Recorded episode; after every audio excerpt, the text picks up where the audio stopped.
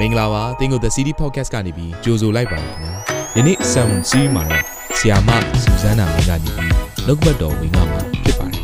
မိမိရဲ့အသက်တာကိုကောင်းကြီးဖြစ်စေမယ့်ဘုရားသခင်ရဲ့နှုတ်ကပတ်တော်နဲ့နီလန်းတွေကိုအတူတူခံယူကြရအောင်ခင်ဗျာ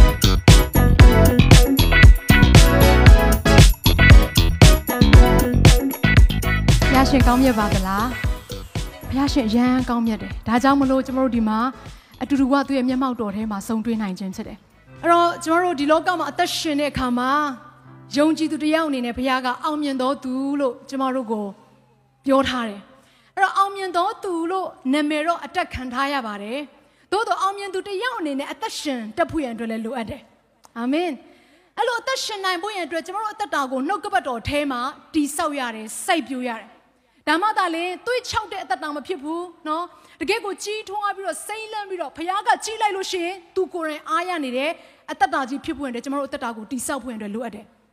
သို့တော်တစ်ခါတလေမှာကျွန်တော်တို့အသက်တာကိုတိဆောက်တဲ့အခါမှာအတွင်းထက်အပြင်ကိုတိဆောက်လို့ရှိရယ် right အဲ့တော့အပြင်ကိုတိဆောက်ပြီးဆိုရင်ရှေရှေဝေးဝေးတော့ကျွန်မပြောမလို့အခုဒီမှာအခမ်းမဆိုလို့ရှိရင်ကျွန်တော်တို့ ဖះကိုကိုးကွယ်တဲ့ခါမှာဒီခမ်းမရဲ့ပြင်ဆင်မှုတွေကျွန်တော်တို့အားလုံးတွေ့ကြမှာပါနော်အခုဆိုရင်ဟာတကယ်ကိုအကောင်းဆုံးသောမိတွေအကောင်းဆုံးသော music တွေဟာတခြင်းဆိုတဲ့ခါမှာလည်းသူတို့အားရပါရတခြင်းတွေကိုလေ့ကျင့်ကြတယ် excellent spirit ကောင်းတယ်ဒါကအပြင်ပဲရှိသေးတယ်အဲ့တော့အမျိုးသမီးတွေဆိုရင်လည်းဒီခေတ်မှာဆိုရင်နော်မိတ်ကပ်တွေနဲ့ကျမတို့လိမ့်ပြီးတော့ခြေတကြတယ်နည်းနည်းလေး weight တက်လာပြီဆိုရင်ကျမတို့ဘာလုပ်ကြလဲ exercise လုပ်ကြတယ်အဲ့ဒါကအတွင်းမဟုတ်ဘူးအဲ့ဒါအပြင်လို့ခေါ်တယ် ပညာရေးပိုင်းဆရာမတိုးတက်ဖွင့်ရတဲ့ကျောင်းသူကျောင်းသားတွေဆိုရင်စူးစမ်းကြတယ်အဲ့ဒါကအပြင်လို့ခေါ်တယ်စီးပွားရေးပိုင်းဆရာမငွေကြေးတွေအများကြီးတိုးတက်လာဖွင့်အတွက်လှုပ်ဆောင်ကြတယ်အဲ့ဒါအပြင်လို့ခေါ်တယ်ဒီနေ့ဖျားသခင်ကအပြင်ပန်းတဒံထက်အတွင်းတဒံကိုပို့ပြီးတော့စိတ်ဝင်စားတယ်လူတွေကတော့ကြည့်တဲ့အခါမှာအပြင်ပန်းကိုကြည့်ပြီးတော့ဆုံးဖြတ်ချက်ပေးလို့ရှိတယ်ဖျားသခင်ကတော့အတွင်းနှလုံးသားကိုကြည့်ပြီးတော့ကောင်းကြီးပေးတယ်အာမင်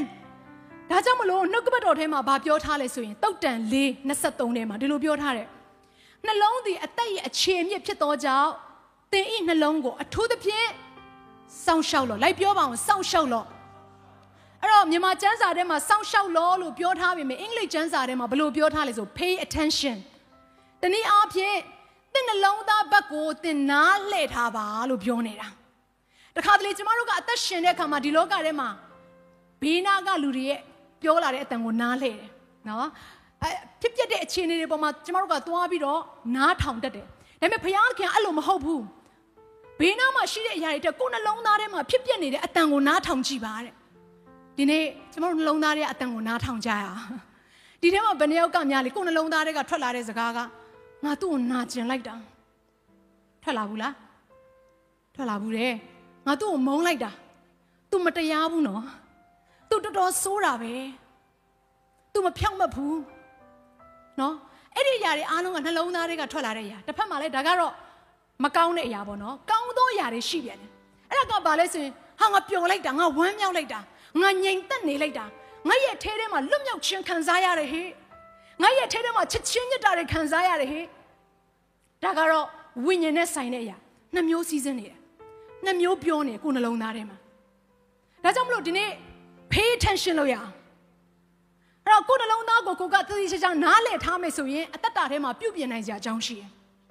အာမင်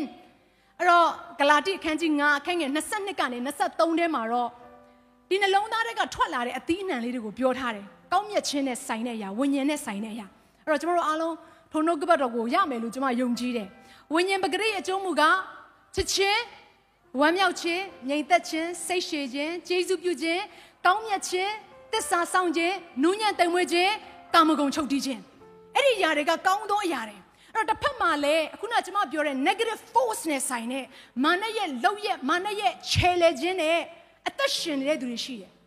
အဲ့ဒီအရာကလည်းနှလုံးသားထဲကအသီးနှံကိုကြည့်ပြီးတော့ကိုကကိုကိုကိုပြုတ်ပြင်လို့ရတယ်ဂလာတိအခန်းကြီး9ထဲမှာပဲအခန်းငယ်16ကနေပြီးတော့เนาะကျွန်တော်တို့21လောက်အထိကြည့်မယ်ဆိုရင်ဇာတိပဂတိနဲ့ဆိုင်တဲ့အရာတွေအများကြီးထွက်လာလိမ့်မယ်ရန်တွေ့မယ် စိတ်ဆိုးမယ်ဒေါသထွက်မယ်မနာလိုဖြစ်မယ်ညူးစုမယ်ဒီຢာတွေအားလုံးကဘယ်တက်ကထွက်လာတာလဲဇာတိပဂတိသဘောတွေကထွက်လာတာဇာတိပဂတိသဘောကိုဘသူကဆေလွတ်ပေးလဲဖះဆေလွတ်တာလားမဟုတ်ဘူးမာနနဲ့ဆိုင်တဲ့ຢာတွေဖြစ်တယ်ဒါဆိုရင်ဒီနေ့ကျွန်တော်နှလုံးသားထဲမှာဘာတွေထွက်နေလဲဘသူ control လုပ်ထားလဲကြည်အောင်အာမင်ဒါကြောင့်ဒီနှုတ်ကပတ်တော်ရဲ့ခေါင်းစဉ်က rejection လို့ခေါ်တဲ့ညံပယ်ခံရလင်ဆိုတဲ့နှုတ်ကပတ်တော်ဖြစ်တယ် အဲ့တော့ညံပယ်ခံရတဲ့လူတစ်ယောက်ရဲ့အသက်တာထဲမှာဘာဖြစ်လာလဲဆိုတော့အခုနကျွန်မပြောတဲ့ negative နဲ့ဆိုင်တဲ့အရာတွေထွက်လာတယ်အဲ့တော့ညံပယ်ခံရခြင်းရဲ့အာနော်စကလုံးကို rejection ရဲ့စကလုံးကိုအဲ့ဒီအင်္ဂလိပ်စာထဲမှာပဲ dictionary ပြန်ကြည့်လိုက်တဲ့အခါမှာ unwanted မလိုချင်ဘူး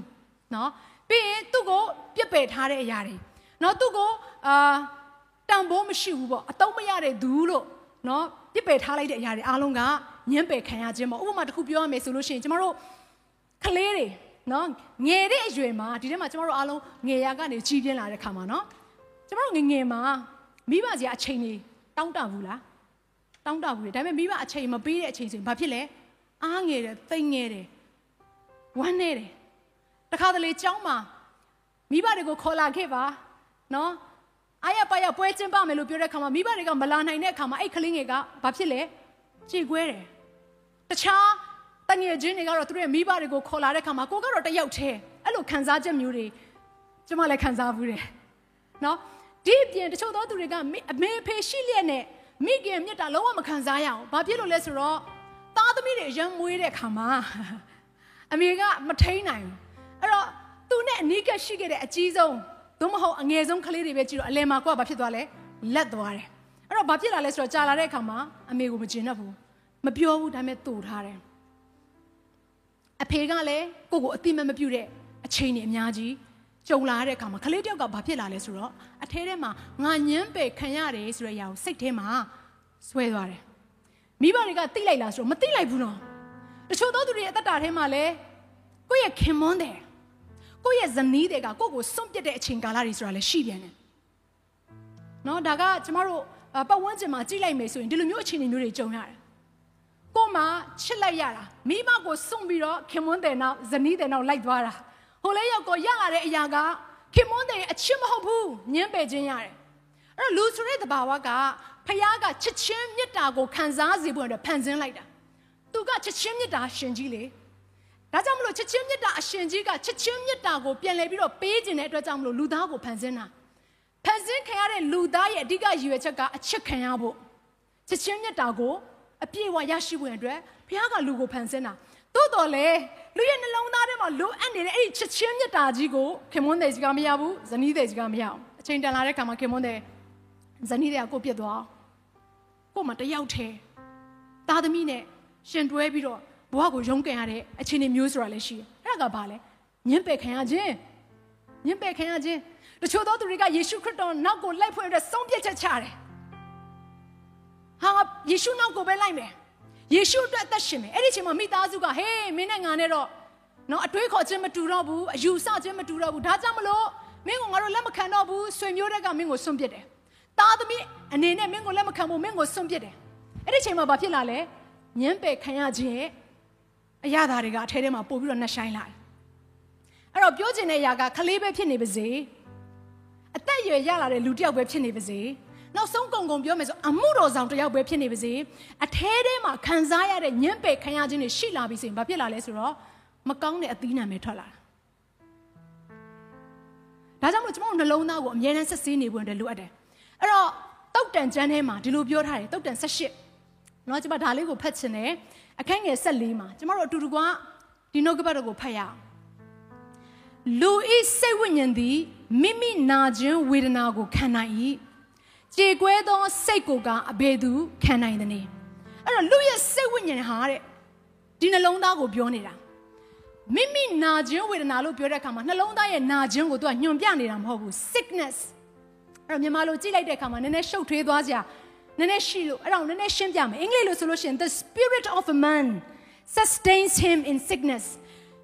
လူရဲ့ဝိညာဉ်ကတဲ့အပြင်ကခန္ဓာကိုယ်မတော်တဆနေမကောင်းဖြစ်သွားတဲ့အခါမှာခံနိုင်ခြင်းရှိနေတယ်တဲ့ သို့တော်တဲ့ဒီအတွင်းနှလုံးသားကြီးကကြေကွဲသွားပြီဆိုရင်တော့တဲ့မခံနိုင်ဘူးတဲ့နော်အဒီနှလုံးသားကြီးကြေကွဲတဲ့အရာတာကိုလူတိုင်းခံစားဘူးတယ်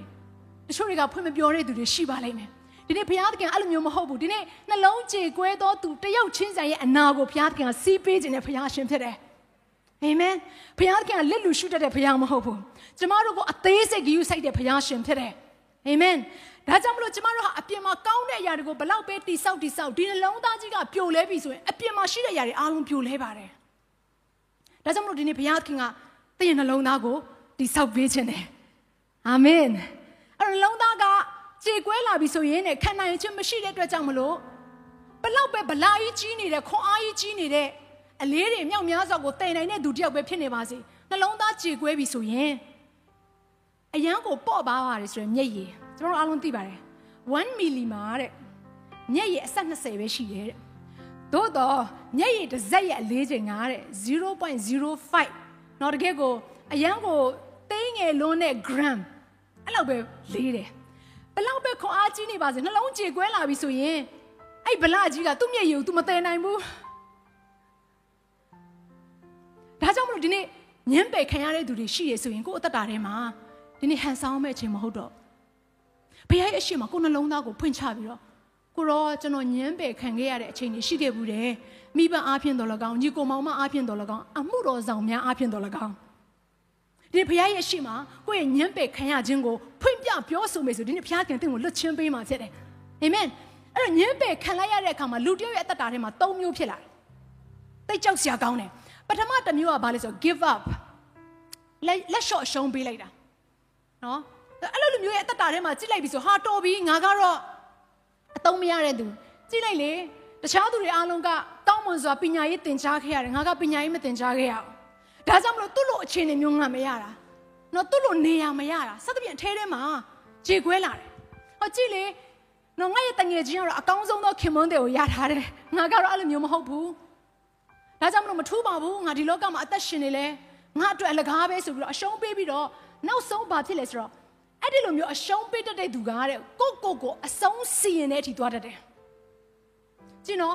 မနက်ကကျမတို့ရဲ့အသက်တာထဲမှာညံပယ်ခံရတဲ့အခြေအနေရောက်လာပြီဆိုရင်အဲ့ထဲကနေအလုပ်လုပ်တတ်တယ်သူဘလို့အလုပ်လုပ်လဲသိလားကျမတို့ရဲ့အသက်တာထဲမှာလုံးဝဒီလောကမှာအသက်မရှင်တော့ဘဲနဲ့ဖခင်ရဲ့အကြံအစီကိုမဆောင်တဲ့အသက်တာကြီးဖြစ်လာဖွင့်တဲ့မနက်ကကြံစီတာတခိုးဟာခိုးခြင်းတက်ခြင်းဖြစ်စည်းခြင်းငါလာတယ်ကျမတို့ကိုတတ်ဖို့ရတဲ့သူကချောင်းမြောင်းနေတော့သူဖြစ်တယ် ဒါကြောင့်မို့ကျမတို့နားလေရမယ်ညံပယ်ခံရပြီဆိုလို့ရှိရင်ကိုယ့်ရဲ့အသက်တာထဲမှာအဲ့ခံလိုက်ရတဲ့အရာပေါ်မှာအရှုံးပေးခြင်းနဲ့စိတ်ဖြစ်ခဲ့ဘူးလားပြန်စဉ်းစားရအောင်ဖြစ်ခဲ့ဘူးလေဆိုဒီနေ့နှုတ်ကပတ်တော်အသင်အတွက်ဖြစ်တယ်နောက်ထပ်တစ်ယောက်အဲ့ညံပယ်ခံလိုက်ရတဲ့အခါမှာဒုတိယတစ်ယောက်ကဘာလုပ်ထားလဲဆိုတော့ hold on ထိန်းထားတယ်တောင့်ခံထားတယ်ငါစင်ပြေတယ်ငါကြော်လွှမ်းနိုင်တယ်ငါရတယ်ငါလှုပ်ဆောင်နိုင်တယ်အဲ့တော့အပြင်မဲ့တရံကိုကြည့်လိုက်မယ်ဆိုရင်လည်းသူ့ကိုကြည့်လိုက်ရင် လုံးဝအထဲထဲမှာမနာထားတဲ့ပုံစံအနေနဲ့သူအသက်ရှင်ပြလိမ့်မယ်လူတွေအရှိကိုရောက်ပြီဆိုလဲအတန်ကြကြဲနဲ့နော်လူတွေနဲ့စကားပြောမယ်ရေရေမောမောကြီးလုပ်ပြမယ်အပြင်မဲ့တရံမှာဟာအတက်နိုင်ဆုံးလူတွေမရိပ်မိအောင်သူ့ကိုယ်သူမိတ်ကက်တွေနဲ့တော်လကောင်းအင်ဂျီအဝတ်စားရည်နဲ့တော်လကောင်းကာကွယ်ထားလိုက်မယ်တိုးတော့အထဲထဲမှာတော့ကျိုးပဲ့နေတာအထဲထဲမှာတော့သူငိုကြွေးနေတာလူတွေအရှိမရည်နေပေမဲ့လူတွေအနောက်မှာသူငိုကြွေးနေရတာမျက်နှာဖုံးကြီးနဲ့အသက်ရှင်တယ်ကြာလာတဲ့အခါမှာဘာဖြစ်လာလဲမာနကြီးလာတာ ဘသူထိထိဘသူပြောပြောသူရဲ့အသက်တာထဲမှာငါတိတယ်ဆိုတော့ပုံစံနဲ့ဟန်ဆောင်ပြီးတော့အသက်ရှင်နေသူတယောက်ဖြစ်လာတယ်ဒါလည်းအန်ဒီအရန်များတယ်နောက်တစ်တတိယတစ်ယောက်ကဘယ်လိုလဲဆိုလို့ရှိရင် तू က fight fight back ပြန်ပြီးတော့ तू ကရန်တွေ့တာညံပယ်ခံရတာများလာတဲ့အခါမှာကျတော့ဘာဖြစ်လာလဲဆိုတော့နောက်တစ်ခေါက်ကြရင်ငါ့ကိုလူတွေဒီလိုမျိုးအနိုင်ကျင့်လို့မရအောင်ငါလုပ်မယ်အဲ့တော့တခုခုပြောလာပြီဆိုရင် तू ကပြန်ပြီးတော့ရန်တုံမှုတာ ကျမတို့ကျမတို့ပတ်ဝန်းကျင်မှာဒီလိုမျိုးတွေမြင်ဘူးမယ်လို့ကျမယုံကြည်တယ်နော်ဟာဘာမှမဟုတ်တဲ့စကားလေးတစ်ခုနဲ့အကြီးအကျယ်ပြဿနာကြီးကိုပုံကြီးချိတ်လိုက်တဲ့သူတွေမြင်ဘူးမှာပါအဲ့ဒါကအထဲထဲမှာအနာတော်တော်ကြီးကိုယင့်သွားလို့ဖြစ်တယ်တော်တော်ကြီးကိုသူ့ရဲ့အထဲထဲမှာစိုးမြေနော်အဲယိုယွင်းတဲ့အရာတွေဆွေးမြေ့ယိုယွင်းတဲ့အရာတွေဖြစ်နေလို့နော်ဒါကြောင့်မလို့ तू ကပြန်ပြီးတော့ fight back လုပ်တာအဲ့တော့ဒီနေ့ညံပယ်ခံရတဲ့သူထဲမှာ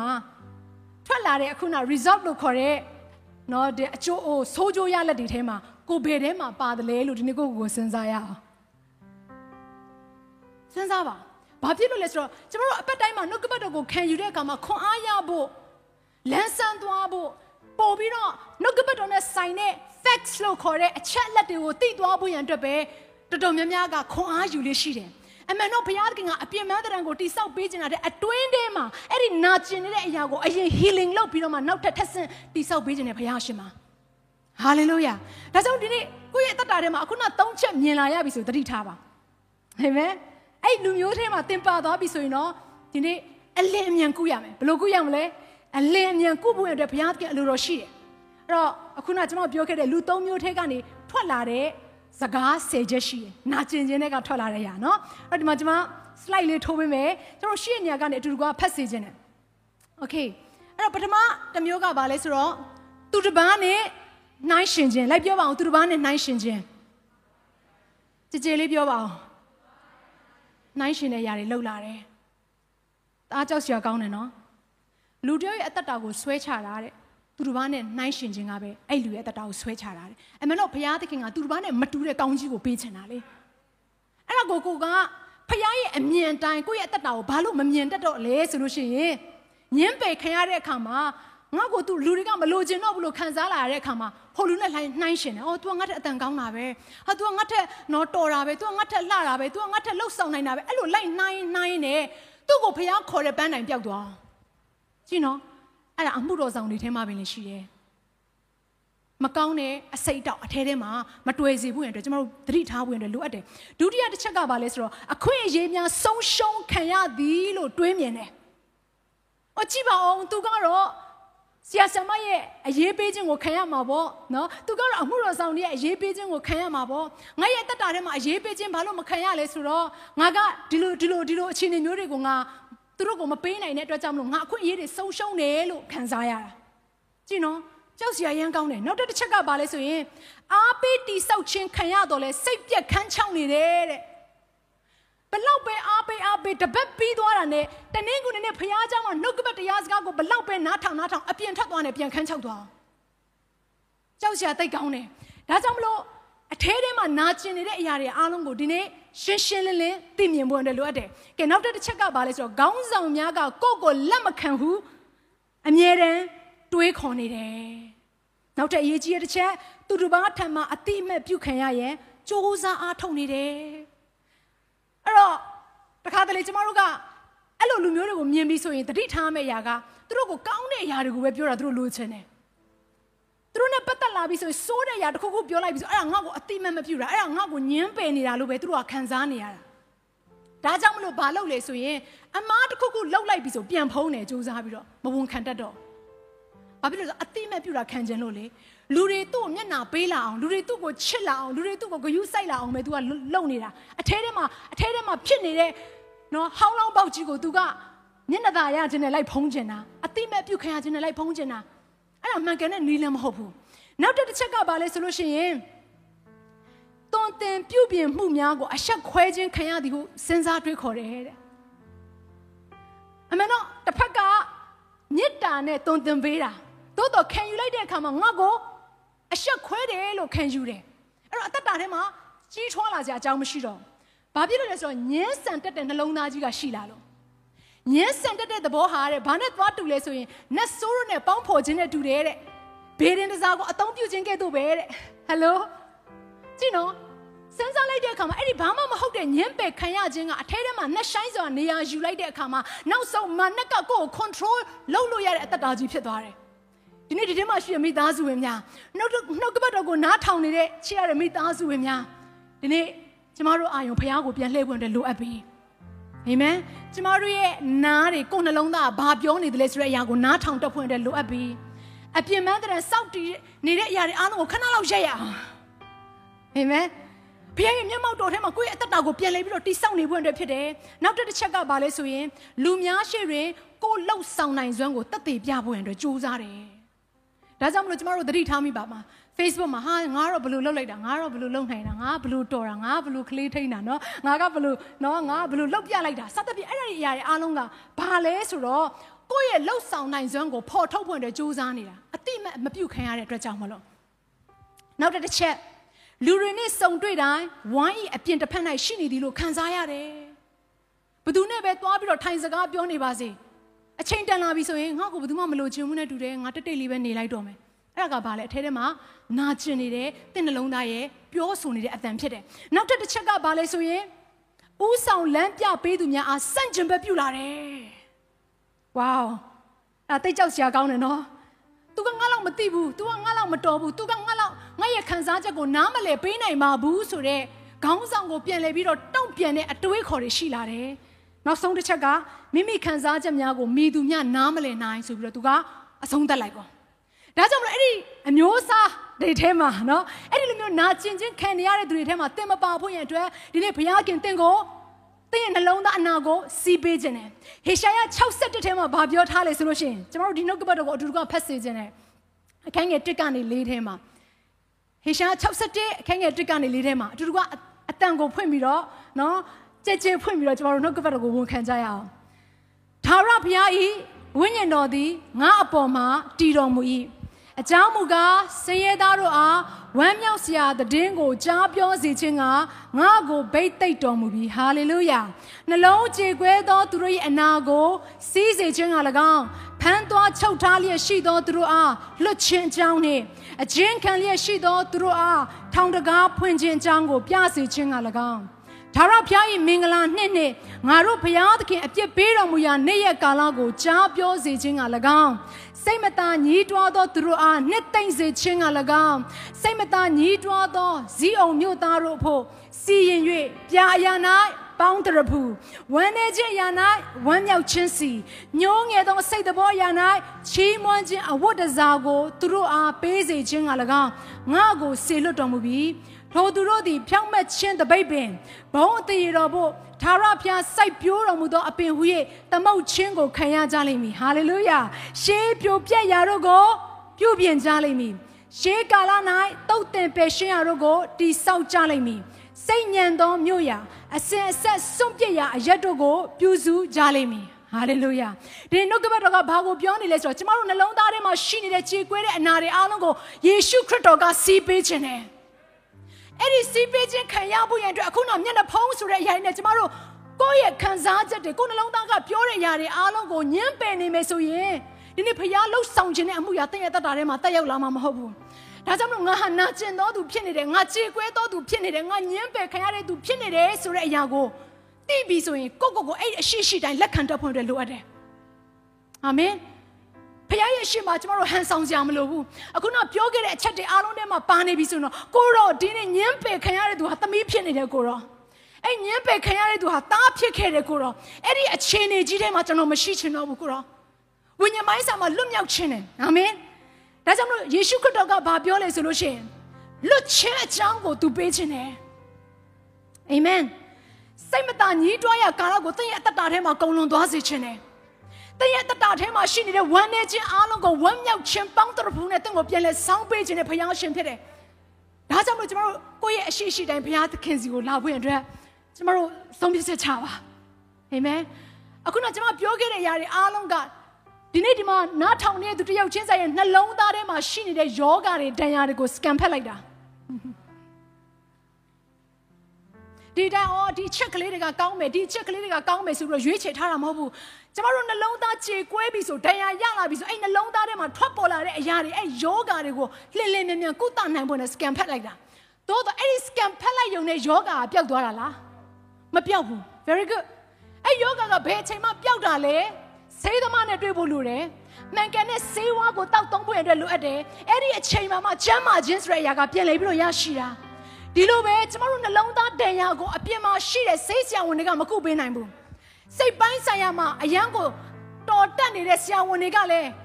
လာမကုပေးနိုင်ဘူးကုပေးနိုင်တဲ့သူကနှုတ်ကပတ်တော်ထဲမှာဖော်ပြထားတဲ့အတိုင်းပဲဟာလေလုယာကျမတို့ကိုးကွယ်တဲ့ကောင်းမြတ်ဆုံးသောယေရှုခရစ်တော်တပါးတည်းကသာလေကျမတို့ရဲ့အနာကိုစီးပေးနိုင်တဲ့သူကျမ်းမာစေတဲ့သူကျမတို့မျက်ရည်ကိုတုပ်ပေးနိုင်တဲ့အရှင်ဖြစ်တယ်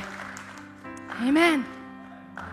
အညံပယ်ခံရခြင်းမှာညံပယ်ခံရခြင်းမှာတစ်ချက်ကလေးကျွန်မနားလည်စေချင်တယ်တချို့သောသူတွေကဘာအပြစ်မှမရှိပဲညံပယ်ခံရတာရှိပေမဲ့တချို့သောသူတွေကကိုယ့်အပြစ်ကြောင့်ကိုညံပယ်ခံရတာလည်းရှိတယ်နှုတ်ကပတ်တော်ထဲမှာပြန်ကြည့်လိုက်မယ်ဆိုဓမ္မရာဇဝင်ဒုတိယစာဆောင်ထဲမှာဒါဝိဒ်အကြောင်းကိုရေးထားတယ်ဒါဝိဒ်ဟာဥရိယရဲ့မယားဘာသရှေဘကိုတွားပြီးတော့တိမ့်ပိုက်ပြီးတော့ဥရိယကိုတတ်လိုက်တဲ့ကိစ္စမှာပရောဖက်နာသန်အပြင်ဘုရားခင်ကဒါဝိဒ်ကိုစကားပြောတယ်ထာဝရဘုရားရဲ့စီရင်ခြင်းလာပြီ ဖခင်ရဲ့တန်ခတ်ခြင်းလာပြီအဲ့တော့နားလည်ရမယ့်အရာတစ်ခုကလေဖခင်သခင်ကချစ်ချင်းမြတ်တာအရှင်ဖြစ်တယ်တစ်ဖက်မှာလည်းဖြောင့်မတ်တဲ့တရားသူကြီးဖြစ်တယ်ဆိုတာမမေ့စေချင်ဘူးအပြစ်လုပ်လို့ရှင်ချစ်ချင်းမြတ်တာဆိုပြီးတော့ဒီအတိုင်းပဲဖခင်ကရှော်ပေးလိုက်မှာမဟုတ်ဘူးနော်ချစ်တဲ့သူကိုဖခင်ကဒဏ်ခတ်တယ်တဲ့ဆုံးမတယ်တဲ့အဲ့ဒါကျမတို့ကိုးကွယ်တဲ့ဖခင်ရှင်ပဲအဲ့ညှင်းပယ်ခံရတဲ့အခါမှာတခါတလေကိုယ့်ရဲ့အပြစ်ကြောင့်ညှင်းပယ်ခံရတဲ့အခြေအနေဆိုတာကြုံရတယ်အခုဒါဝိ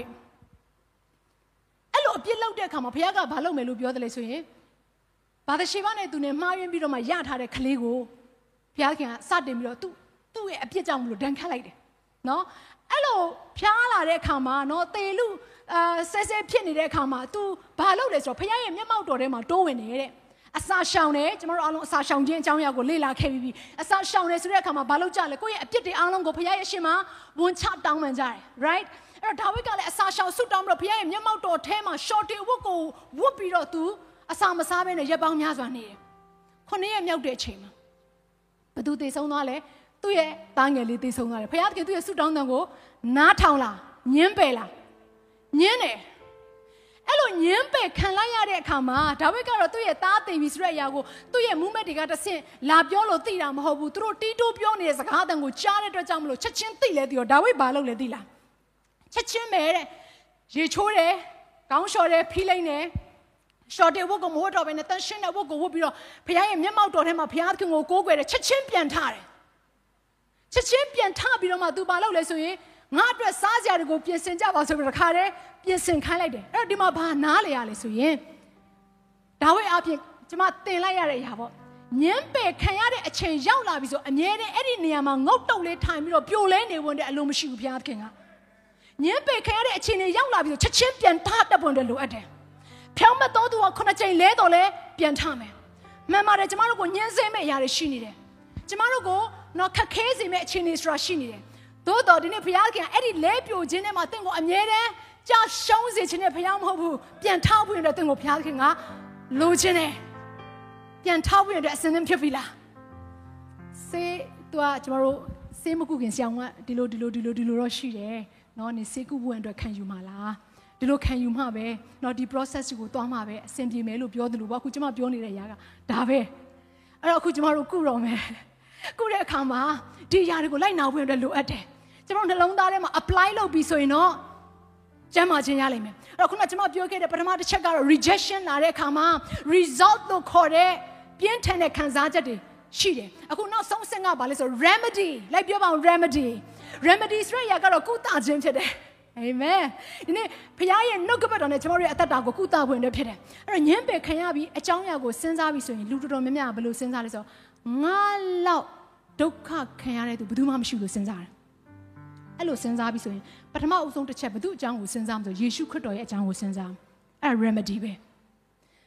ယေရှုခရစ်တော်ဒီသားလင်ကျွန်တော်တို့ရဲ့နှလုံးသားတွေရဲ့အနာကို ကုသပျောက်ကင်းပေးနိုင်တဲ့အရှင်ဖြစ်တယ်အဲ့တော့ယေရှုခရစ်တော်အကြောင်းကိုစဉ်းစားမယ်ယေရှုခရစ်တော်ဘာလုပ်ပေးခဲ့လဲဆိုတဲ့အရာကိုစဉ်းစားယေရှုခရစ်တော်ဟာလောကလူသားတွေထဲမှာညှင်းပယ်ခံရပါတယ်ဆိုတဲ့လူသားတွေအားလုံးထက်ပိုပြီးတော့အညှင်းပယ်ခံရတဲ့သူဖြစ်တယ်ဒါကြောင့်မလို့အဲ့ယေရှုခရစ်တော်ကညှင်းပယ်ခံရတဲ့အချိန်မှာသူလုပ်ခဲ့တဲ့အရာတစ်ခုရှိတယ်အဲ့ဒါကဘာလဲဆိုတော့ပထမအဆုံးတစ်ချက် forgive လိုက်ပြောပါအောင် forgive ခွင့်လွှတ်ရမယ် ကိုယ့်ရဲ့အမေကကိုယ်ညှင်းပယ်တာပဲဖြစ်ဖြစ်ကိုယ့်အဖေကကိုယ်ညှင်းပယ်တာပဲဖြစ်ဖြစ်ကိုယ့်ရဲ့ဆရာသမားအမှုတော်ဆောင်ဆရာကကိုယ်ကိုညှင်းပယ်တာပဲဖြစ်ဖြစ်ကိုယ့်ရဲ့အလုပ်ရှင်ကကိုယ့်ကိုညှင်းပယ်တာပဲဖြစ်ဖြစ်အာမင်အဲ့ဒီຢာတွေအားလုံးကိုကိုကဘာလို့မဆို forgive ခွင့်လွှတ်ရမယ်အဲ့တော့ပထမဆုံးအရေးကြီးတဲ့ຢာကတော့မိဘကိုခွင့်လွှတ်တဲ့ရမယ်ဘာဖြစ်လို့လဲဆိုရင်အေဖက်6ထဲမှာဘာပြောထားလဲဆိုရင်အသက်တာရှည်တဲ့ကာလနှစ်ပေါင်းများစွာကိုဘယ်တဲကရလဲဆိုတော့မိဘကိုယိုသေးခြင်းတွေကပဲရတယ်မိဘကိုခွင့်လွှတ်ပေးတဲ့ခြင်းတွေကပဲရတယ် မိဘအကြောင်းကိုပြန်လဲစဉ်းစားလိုက်တိုင်းမှာတိတ်တိတ်နော်တကယ်ကိုဆက်ဆက်တောင်းအောင်နာနေရဆိုအဲ့ဒါခွင့်မလွတ်သေးတာအဲ့ဒါနာကျင်ခြင်းရဲ့သဘောတရားလို့ခေါ်တယ်အဲ့တော့ဘာလို့မလဲဆိုကိုယ့်ရဲ့အသက်တာထဲမှာပထမဦးဆုံးအရေးကြီးတဲ့အရာကဒီလောကမှာအသက်ရှင်တဲ့အခါမှာကျမတို့ရဲ့အနာဂတ်ကိုအဆုံးဖြတ်ပေးနေတဲ့မိဘကိုယိုသေးခြင်းဆိုတဲ့အရာကိုအသက်တာထဲမှာပြန်လဲပြီးတော့လှုပ်ဆောင်ရမှာဖြစ်တယ်ခွင့်လွတ်ပါပထမဦးဆုံးတစ်ချက်ပြီးရင်တော့မိဘကစပြီးတော့ခွင့်လွတ်ပေးပြီးရင်တော့ကြံတဲ့ကိုယ့်ကိုနာကျင်စေတဲ့သူတွေအားလုံးကိုခွင့်လွတ်လို့ရပြီပဲ တကယ်ပြောတာပါတော်တော်များများမသိလိုက်တဲ့အရာကအပြင်လူထက်ကိုမိဘကိုကိုပို့ပြီးတော့ချီနှောင်ကြတာကြည့်နော်ဒါကြောင့်မလို့ကျွန်တော်အသက်တာထဲမှာပထမဆုံးလုပ်မယ့်အရာကခွင့်လွှတ်ခြင်းပဲဖြစ်တယ်အဲ့တော့ယေရှုခရစ်တော်ဟာသူညှင်းပယ်ခံရတဲ့အချိန်မှာသူ့ရဲ့ခွင့်လွှတ်ခြင်းသဘောတရားကိုဘယ်မှာတွေ့ရတယ်လဲဆိုရင်ကားတိုင်းပေါ်မှာတွေ့ရတယ် right တော့အဲ့ခရစ်တော်ရဲ့အသက်ရှင်ခြင်းထဲမှာတွေ့ရတယ်အဲ့တော့အရင်ဆုံးကျွန်တော်တို့ယေရှုခရစ်တော်ရဲ့အကြောင်းကိုပြန်စဉ်းစားမယ်ဆိုရင်ယေရှုခရစ်တော်